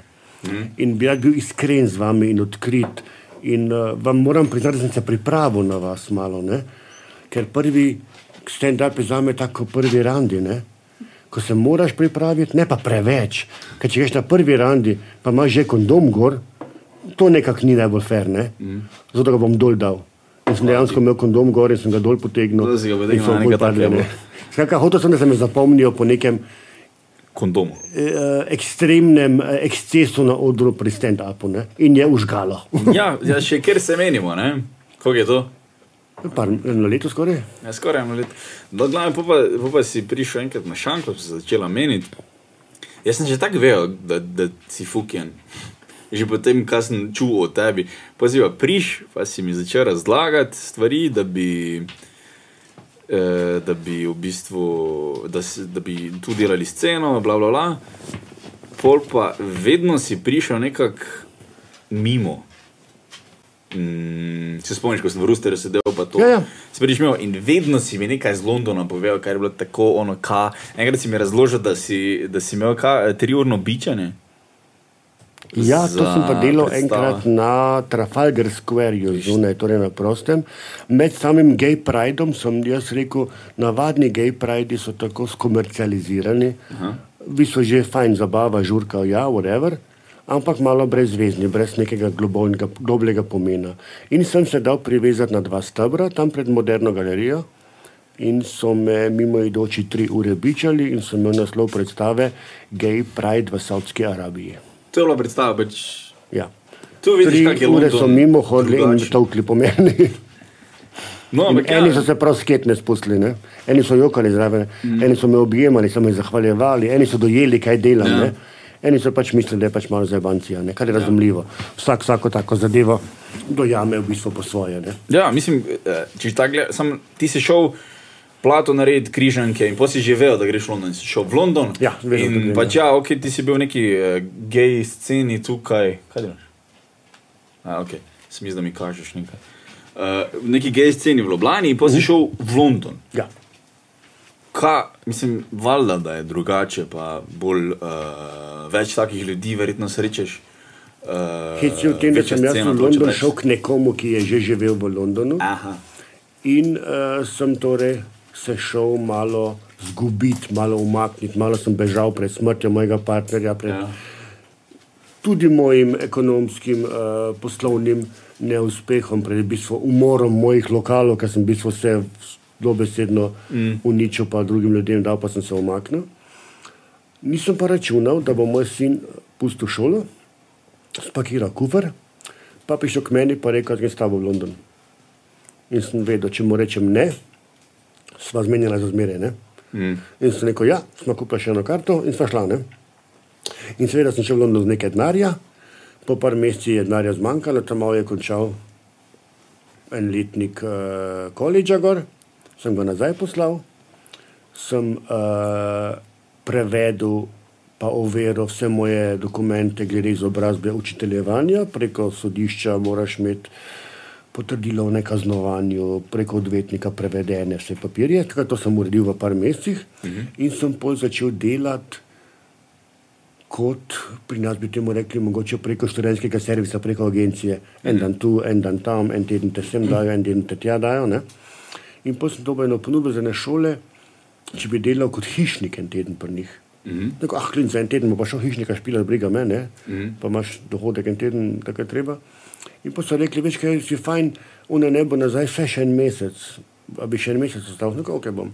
Pa so rekli, veš, kaj ni sploh ne bo nazaj, a bi ti se redno zaposlil pri nas kot hišnik, jaz si nesoliden, tako ne, ne bom se zaposlil kot hišnik, jaz sem k vam prišel kot pomočnik ravnatelja, ker sem bil v Ljubljani, zdaj pa hišnik, ne, ne, ne bom.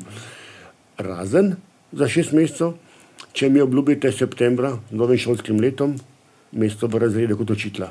In so rekli ja, in so me skratka najprej imeli kot hišnika, A brez sem jih reševal v bistvu tisto leto, ne. Ja. Potem sem dobil pa za dve leti, sem šel delati za stalno službo, ampak sem jo pustil, ker sem pa začel pa svojo firmo, uh, glasbeno založbo sem odprl, vmes pa sem še lokal vodil, pa imel eno tako spet lokalno severno londonsko gej sceno čez, vodil en gej lokal, pa musko vrtel, pa tam malo eno tam, ker naro, pa njegova punca. Pa tako. A, se pravi, mislim, težko si, težko da imeš London, če živiš v Sloveniji. No. Jaz sem bil enkrat tam, šli smo na koncert Foo Fightersov, kar- ki je odpadel. Si že prav to? Ne, tega ne vem. Šel je, kolega mi je rekel, tako, ono, bi šel ti na Wembley, znam eno karto, viš, kaj imamo. Fan pit za 90 evrov karta, kar je malo za London, uh, za Foo Fighters. Mm. In je, in je um, in jaz tak, prvo sem še nekaj cincev, te sem rekel, ja. In po mi sploh ni bilo tako, mislim, pač ja, ok, plačal sem ta cash, kupil sem karto, kupil sem hostel, vse to ok, pi šest mesecev naprej. In pol kak mesec predtem me je začelo tako malo graviti, fuck, jaz grem na Foo Fighters, takrat sem samo Foo Fighters cool. poslušal. Pa me vedno bolj grabi, pa vedno bolj grabi, pa začeli smo se meniti, ne, eh, zadnje podrobnosti, ki se dobimo, kako se dobimo, kako gremo dol. Vedno bolj me je začelo grabiti in pol dva, tri dni prej uh, Dave Grohl pevec spade dol iz odra si nogo zlama, gledaš, mislim da. Mhm. Ali kaj si je zlamo, Ja. odpovedali dva Vemblja, ker sta bila dva. Ja, potem je. En drug za drugim, pa kaj je največji festival v Angliji, no? take muzike. Glastonbury. Glastonbury so bil, ja. povedali, pa še mislim, da en koncert nekje. In je bilo ne vem, kaj, pol milijona kart vrnjenih ali nekaj takega. Ja. In pol smo šli v London, ker tak mal. Ampak ja, sam, samo dojemanje Londona kot takega pač. Veš kaj je London, ko ga zunaj gledaš, ne, je to vele mesto z neko famo, z vsem mogočim, Ja. kar tudi je. Ne. Ampak dejstvo je, da ko živiš tam, se slejko pa zaciklaš v en okoliš, kjer živiš. Mm. Greš v center, kadar dobiš obiske, ne, pa komu kaj razkažeš. Ja. Da bi se sam zdaj spuščal ne, vsak vikend, pa vsak dan v center, nima nobenega smisla. Tudi v. Ljubljani ne greš, ne, če si v Šiški vsak dan v center, pa če delaš nekaj drugega, pa Ali pa Mariboru, če gre na tezno delaš, na tezno živiš, hodiš ne v greš center vsak dan, seveda. Ne. Ja. Tako da ni tako zelo drugače, kot je živeti v Mariboru. Ne. Ja. V bistvu, ko se navadiš, je Navadi to se tvoje na okolje, neke tvoje okolje mesto. ljudi. Ne. tvoja Dejstvo je pekarna, pa, da imaš uh, ogromno možnosti obiskovanja prireditev. To pa je ziger. Ja. Ogromen je London. Uh, če greš vsak dan kam drugam, imaš ne, par let kam zahoditi. Dejstvo je pa, da se tudi tega ne veličaš, v bistvu, da pač prideš v neko normalno dnevno življenje, kuča posel, kuča posel. Ne. Kot misliš, kot, uh, da ti je mm, preveč, da hočeš mir? Uh, preveč ti London lahko postane, kadar ga začneš zlorabljati, bi jaz temu rekel. Kadar ti postane življenje um, ko začneš iskati izgovore za, jaz sem bi rekel, po sebi za neuspeh. Nisem bil tako uspešen v Londonu, kot sem hotel biti, in pol pride, dosti lažje prideš do. Droga meni ni nikoli nič pomenila, sem poskusil stvari, ampak ni fora. Ampak lahko prideš do seksa, lahko prideš do pijače, lahko prideš do druženja, do, do bega iz realnosti na nek način. Ne? Mm. London ti tega ogromno, ko v Sloveniji nimaš kaj dosti. Ne?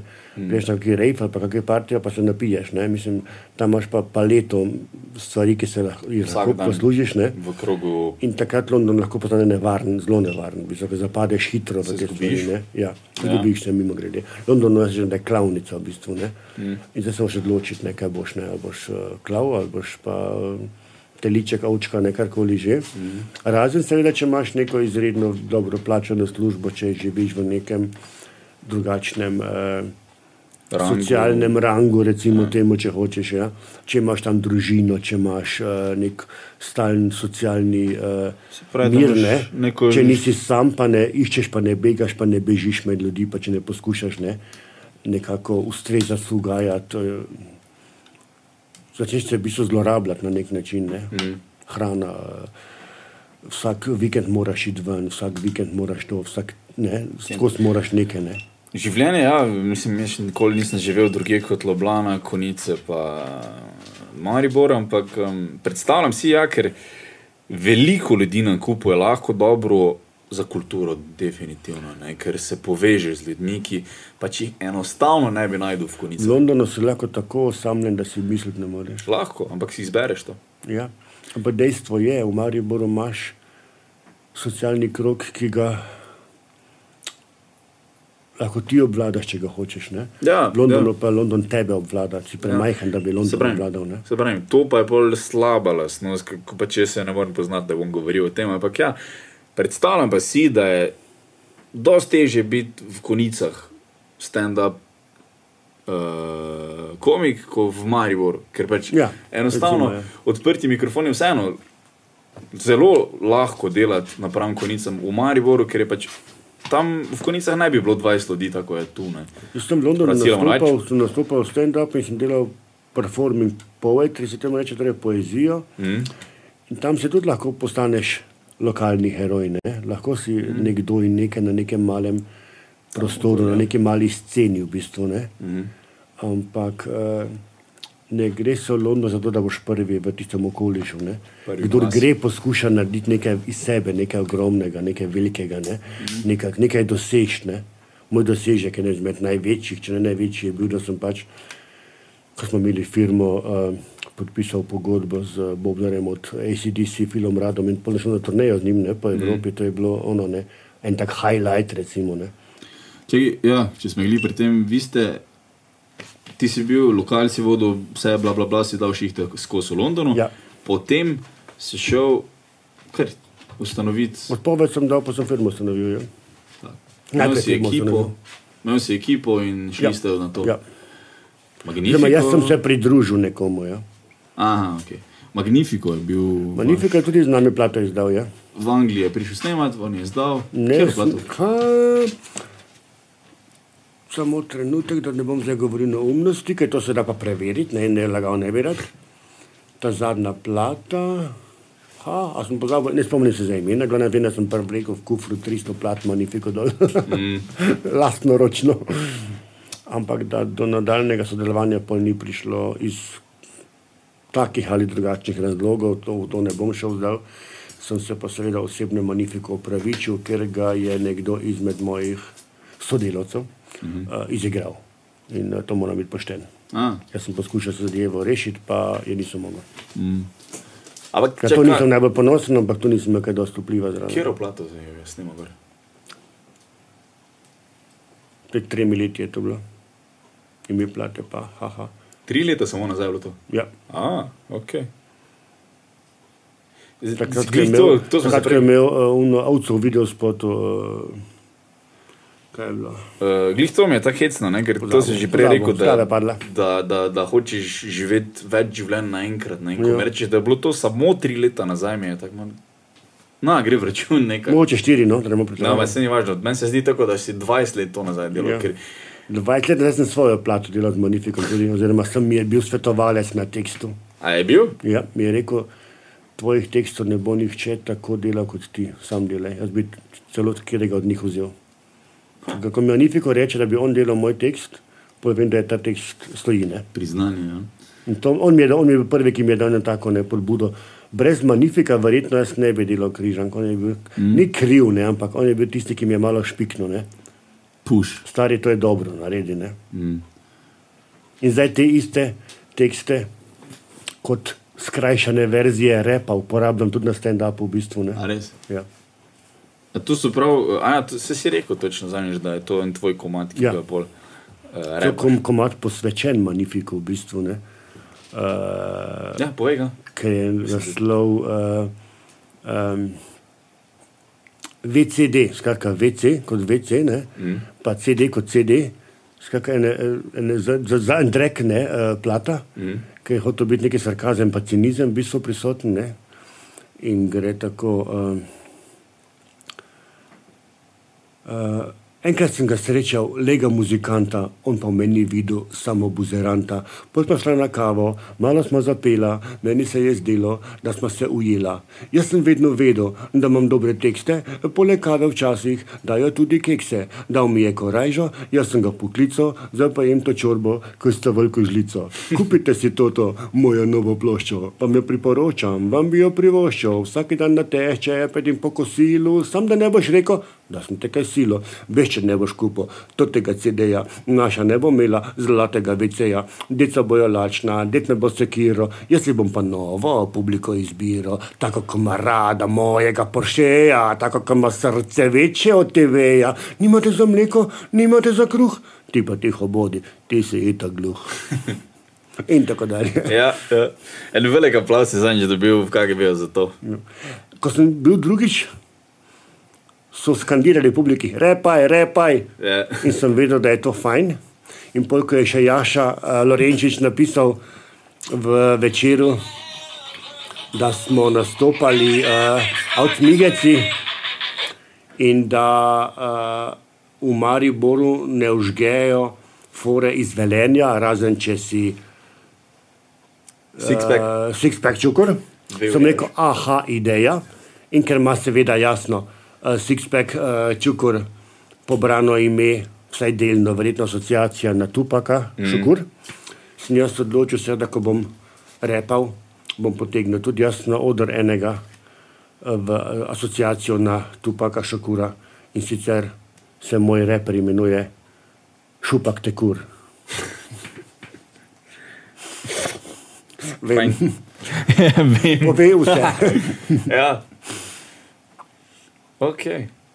In tega je bilo več, da veš, zgodbice, kratke, enominutne, dvominutne, smešne, rimane, zajebancija, drugače kot delajo ostali. Ne? In tega ne moreš bolj prodati čisto kot stand-up. ne. Ja, več se sem ti rekel. Tak- Zdaj sem ti dal na svet. Freestyle ne? ali pa freeform. ne. Freeform comedy, Freeform, ja. ja. Kaj si hotel reči? Uh, pol ure nekaj še imamo. Z Upam. Še ne kaj vmes smo skakali. Rej. Uh, bože. Glavnem, Omar, to je ful fascinanten.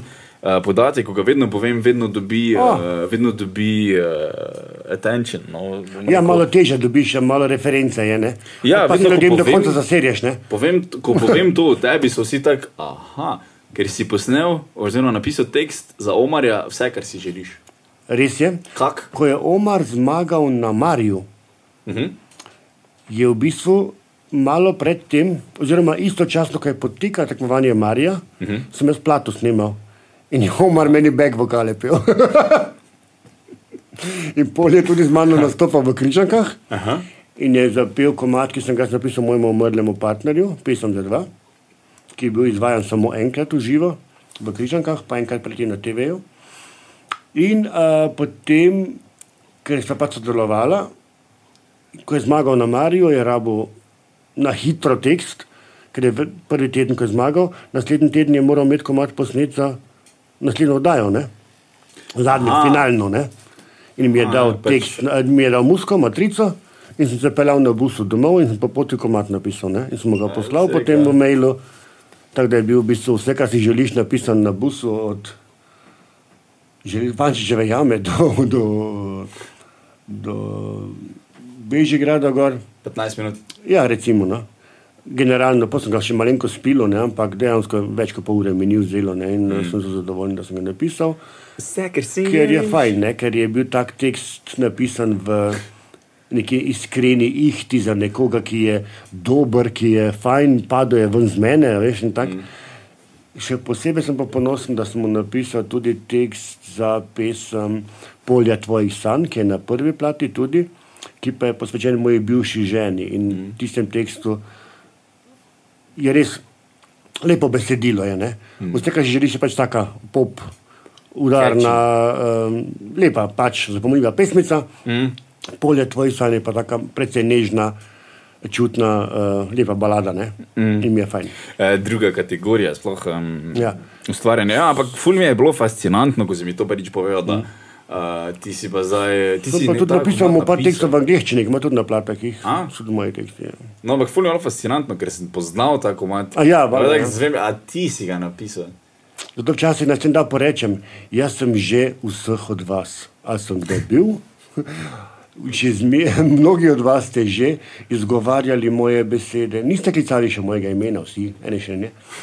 Uh, ampak vsi ste že rekli, vse, kar si želiš, a si ne dovoliš. In to je Ja, tudi ena se- izmed dualnosti, ne te moje seksualnosti, tega, kar si mnogi klozetirani geji, poročeni ne dovolijo. Ne? Lahko vidiš tudi to noter, to se nas potem šele za nazaj začne razmišljati. Mm. Vse, kar si želiš, pa si ne dovoliš. Ne? Mm. Lahko je punca, fantu, fant punci, lahko pa je tudi to, ne? ljudje, ki živijo lažna življenja, mm. ki se skrivajo za nečim, ne? ki si ne upajo, ki imajo želje, pač ne vzamejo. Ne? Ja. Vem, ja, lahko je taka plehka pesmica, lahko izpade, mm. lahko pa je tudi globli pomen, če ga hočeš videti. Ne? Če hočeš videti, Če ja. poznaš pa mojo zgodbo, ne? pa vsekakor lahko do tega pride. No, takrat, ko sem to pisal, nisem o tem razmišljal, ne? to mm. sigurno da ne. ja, bivši Bobnar, da si DC. On je naredil, on je hitmana poslal svoje ženi, da jo ubije. Je res? Phil Rad je nekomu zagrozil, da ga bo ubil. Ja? In zato on ni mogel na turnejo z ACDC. Se je Ker so ga zaprli. Ne? in je imel house arrest, in so ga zaprli domov v house arrest, in je šel v studio, plato posnel, in ker ni mogel z njimi na turnejo, je organiziral svojo turnejo. Oni so šli pač na turnejo, ker Ja. so imeli zmejano z drugim Bobnarjem. On pa ni mogel. Ja. Pa ni on glih on. On je bobnal na 14 od 17 albumov, nekaj takega. Aha. No, in nam je pisal pogodbo, smo v plato izdali. In eh, smo na turnejo Skandinavija, cela Norveška, Finska, Švedska, Nemčija, Danska, mm. Francija, Španija, križarjenje po sredozemlju med Gibraltarjem in Majorko. Kako se že reče temu uh, križarjenju? Uh, Metal- full Metal Cruise, Full metal cruise. Bolano. Ja, povej več. Povej več. No, križarjenje je, je tako, da je v bistvu ljudje, ki kupijo karte, grejo na križarjenje z heavy metal bendi, seveda, ne. Bili so Saxon tudi gor, pa bil je tudi um, um, basist od eh, Motorheadov, pa mislim, bolan je bilo.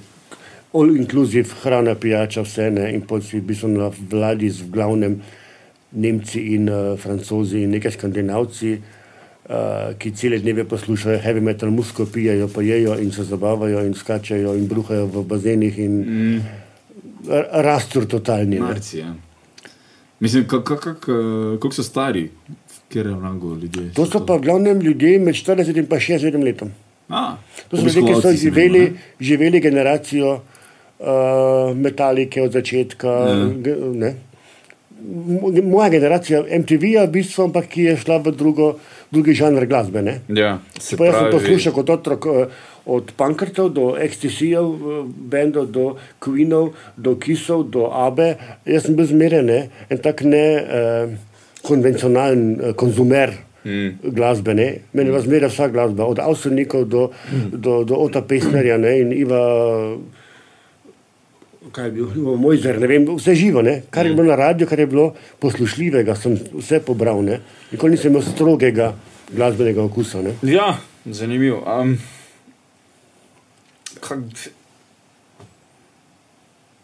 elitizem je zelo slaba stvar za muziko. ne. Um, Ja, gotovo je. Najbolj Meni je punk dosti dal, ne? Meni je punk veliko dal. Ja, punk, glih punk je tu hecen v tem elitizmu, ne?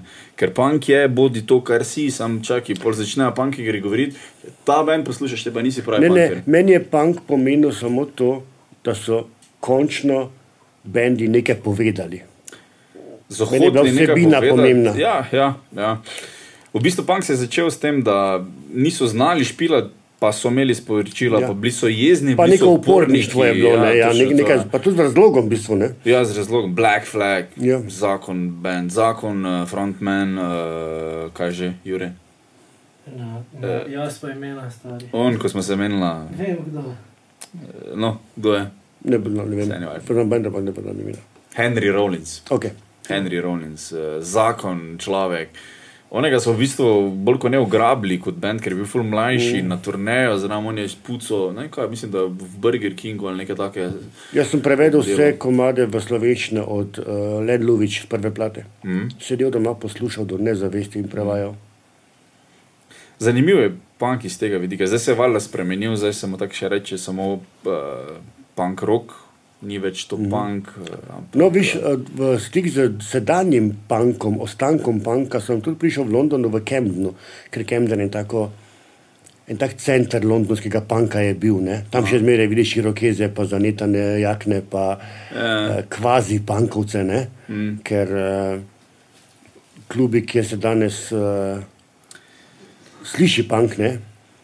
Ja, so glavne v ti stari punk. Ne? ja. Mislim, tako je, nekdo si je zmislil to irokeze, je full zgledal, wow, on je punker, on je full upornik, on je proti, on njemu se je. punki v Londonu prodajajo turistom za fotke. Ne? Ja, tudi to, ne, ker pol se pa skomercializira, ker začnejo vsi to delati in potem je pač.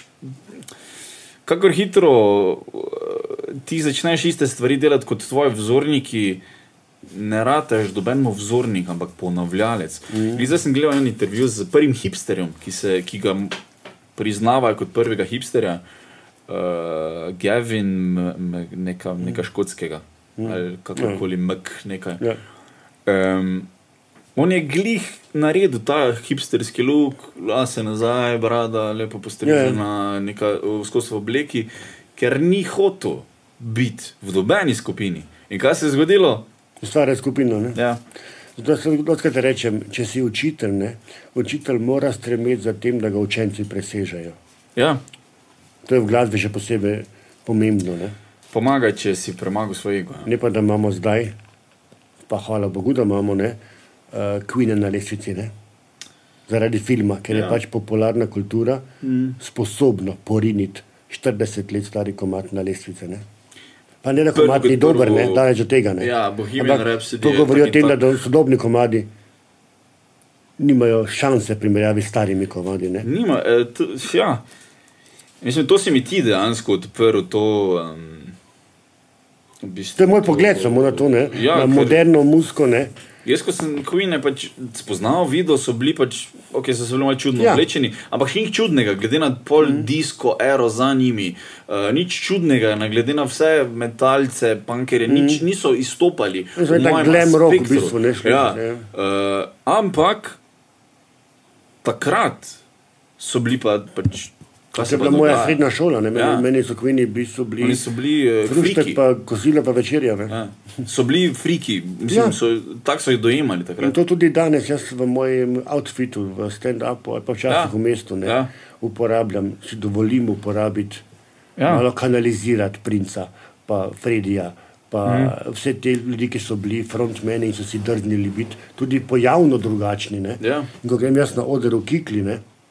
jaz se več ne bojim, kako me bo publika sprejela. Ker kdo ne vidi preko mojega outfita, ni moja ciljna publika. Ne? Ja. Moj outfit je samo dodatni ne? bonus uh, mm. za tiste, ki jim je mogoče vizualna podoba, mm. prav tako pomembna kot pa samo sporočilo stand-upa. ne. Ja. V bistvu mi je. Ful, uh, Če ne bi bilo tega filma, če ne bi šel tega gledati, nikoli ne bi vedel, da so oni bili friki, ker bi si Ja, jaz ja. mislil kot Queen, oni so bili pač band, vrej, Ja. on je bil v neki četrst- Ja, super, ne? Uh, spoznavanje tega, Bohemian, Bohemian Rhapsody, to sem prehodil reči, je tudi komat, ki je bil največkrat predvajan, odkar imamo muziko, mm. sploh na radiju, bilo kje. Uh, Veš, ker je najbolj predvajana komad, v instrumentalna bistvu. skladba, skladba na svetu? Instrumentalna skladba, Golica. A res? Mhm. Kako to? Nemčija je svoje naredila, pa. Švica. Obrekajne. Tudi se mi zdi, da eni, mm, en bend, ko se nas zavedamo, kako velik bend Ja, je bil. ni debate. Ne Jaz sem, zarastel na, ma- predstavljati. jaz sem zarastel glasbeno tudi na uh? Mhm. Mm. na Koširju. Ja. Hecno, kot sem prej omenil, na Marjanu Kralju, ne? nedeljski večer, Ja. ki danes ne poznamo, sedeti pri radiju dve uri pa snemati glasbo na kasete. Ne? Ja, pa To je bilo moje otroštvo. Zanimivo. V glavnem, uh, ja, naprimer, tudi Nirvana je bila po svoje, so bili friki, ne, čeprav so se. A veš, da sem bil na njihovem zadnjem koncertu v Ljubljani. Ja, Ja, ne, so se bolj šli v Rusiji. E, Ne, vmes so bili še v Rimu, so ga hoteli imeti, so ga skenirali, ker se je prefintal. Če Zadnji koncert so imeli v Ljubljani. Kukar jaz Ja, ni vem. bil še neka Rusija, pol? Mm -mm. Vse ni važno. Glavno, oni so bili tudi friki. ne. Zdaj, če pogledaš, kaj je Dave Grohl, uh, ajde, on je prišel iz te glih Black Flag scene, mm. iz DC-ja, potem je bil Kurt Cobain, uh, Seattle, sami Lumberjacki, sami uh, taki ljudje, kamor ni sodu, uh, full problematično otrok, sploh zaradi ločitve, mm. pa Novoselič. Ja, ki je bil v bistvu potomec beguncev, ne? mm. beguncev iz Hrvaške, ki so šli v ZDA. In nekako so se najdli. In tudi, naprimer, kako fascinantno je bilo to, da so oni prišli na prva mesta. Ne? Ja, ja, res je. En trenutek je bil, da je to grol, sem ga čul reči, da so prišli nekem založbo ali kam korat, so prišli nekomu v kravati dati roko pa podpisati. Pa je vprašal, kaj bi vi radi imeli, pa Kobain iz prve, mi bi radi bili prvi, najbolj predvajana muzika, mi hočemo top of the charts, se temu reče. Pa je kaj si fucking, kaj ti govoriš in pa je res to bilo. Ampak je bila, tudi eno, ni to moja, moja, niso to moje besede, ampak čustim tudi to reči. V prvih bitah, v prvem rifu kitarskem, kako pridejo bobni, no, čik, čik, čik, čik, čik, čutiš jezo, enostavno.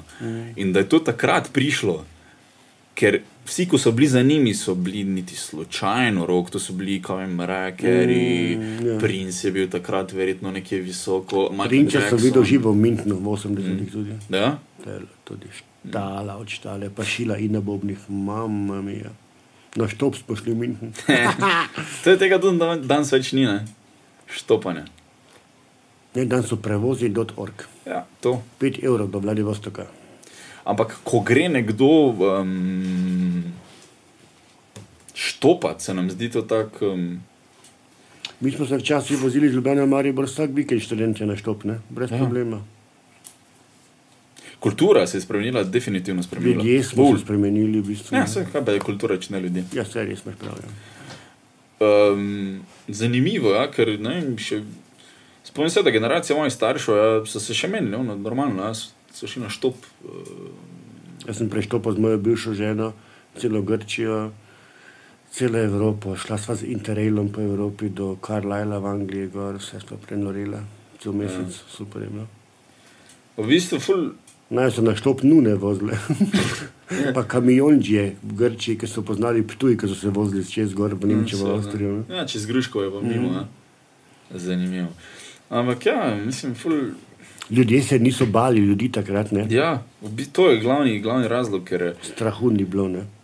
ja, ker so vzgojili svoje otroke ne štopati, ker so se bali svojih sosedov. ne samo to, ljudje smo tudi živeli drugače življenje. Ne? Ljudje v bloku, v bajta so se družili, ljudje so skupaj kosila jedli, ljudje so se obiskovali. Ne? Ja. Medija ni bilo, ki bi nam zvečer uh, ob 8. zaprl dušo, pa odprl televizijo. Ne? Mm. V bistvu je zanimivo, kako se je to obrnilo. Nisi mi povedal konca glasbene založbe. Jaz sem na turneji zbolel, uh, sem končal v Angliji v bolnici in potem sem nazaj v Slovenijo prišel. In je ta moj partner zaprl firmo, pobral denar, pa se nisva več videla.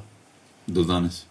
Ja. Kam je šel, ne veš? Ali... Ne vem, sem pa vseeno. prejšnji teden njegovemu sinu na Facebooku telefonsko moje dal, pa so rekel, da se mi javi, da ga pozdravim. Hm. Nič mu ne zamerim, ker sem sam kriv, ker sem naredil neumnost, ker sem prej zaupal ljudem, ki mi ne bi smel, Mhm. ampak tako je bilo.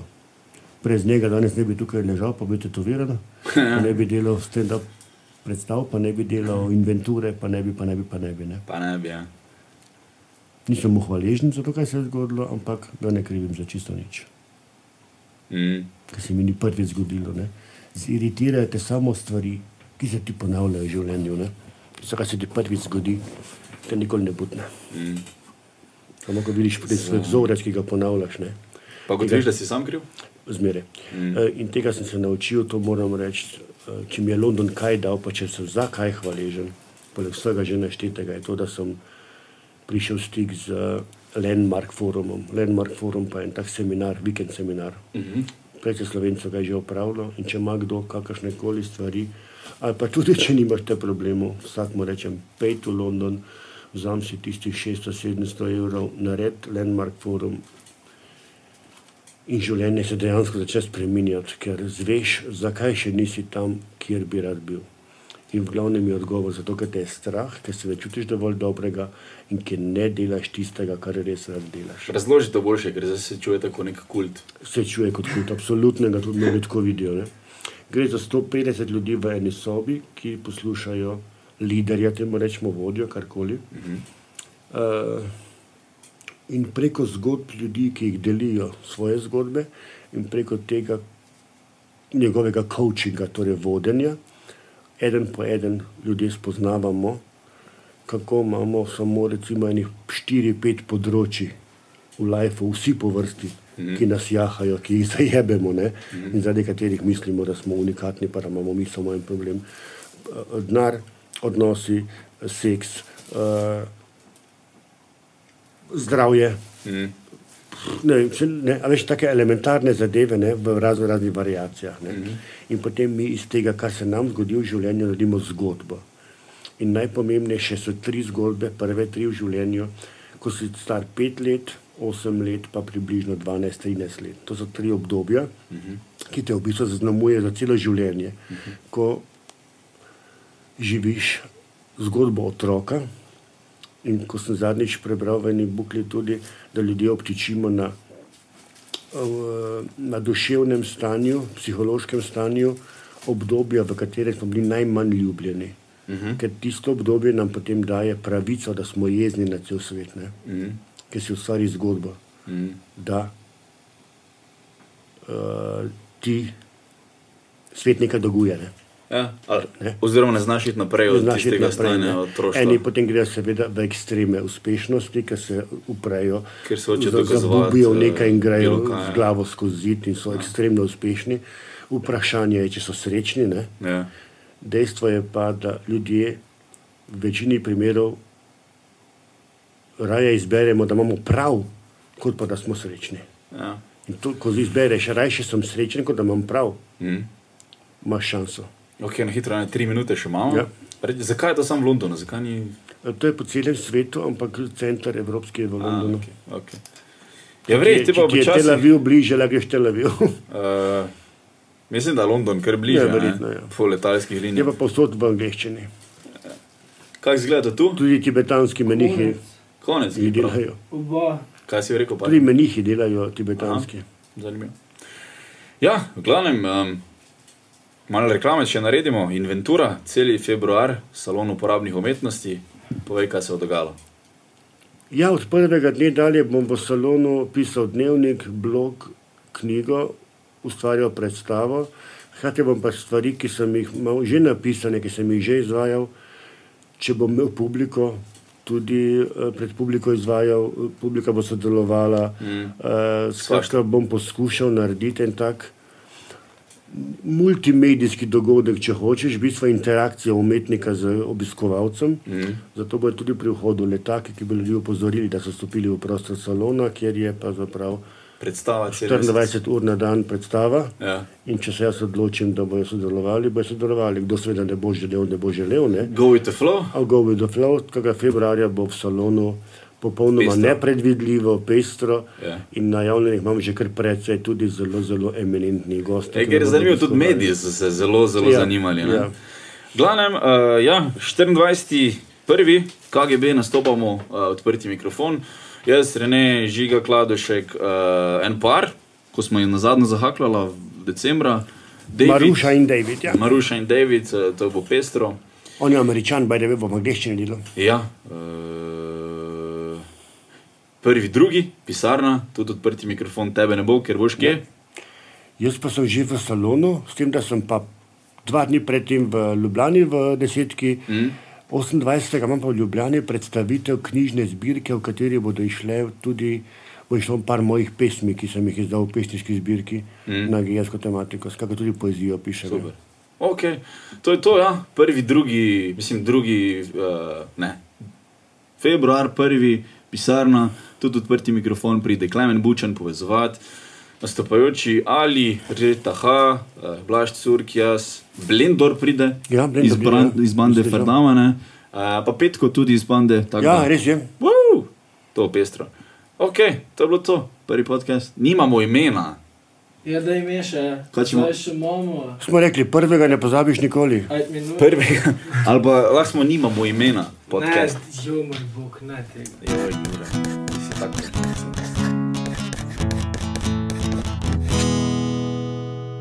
Fak, jaz to moram videti.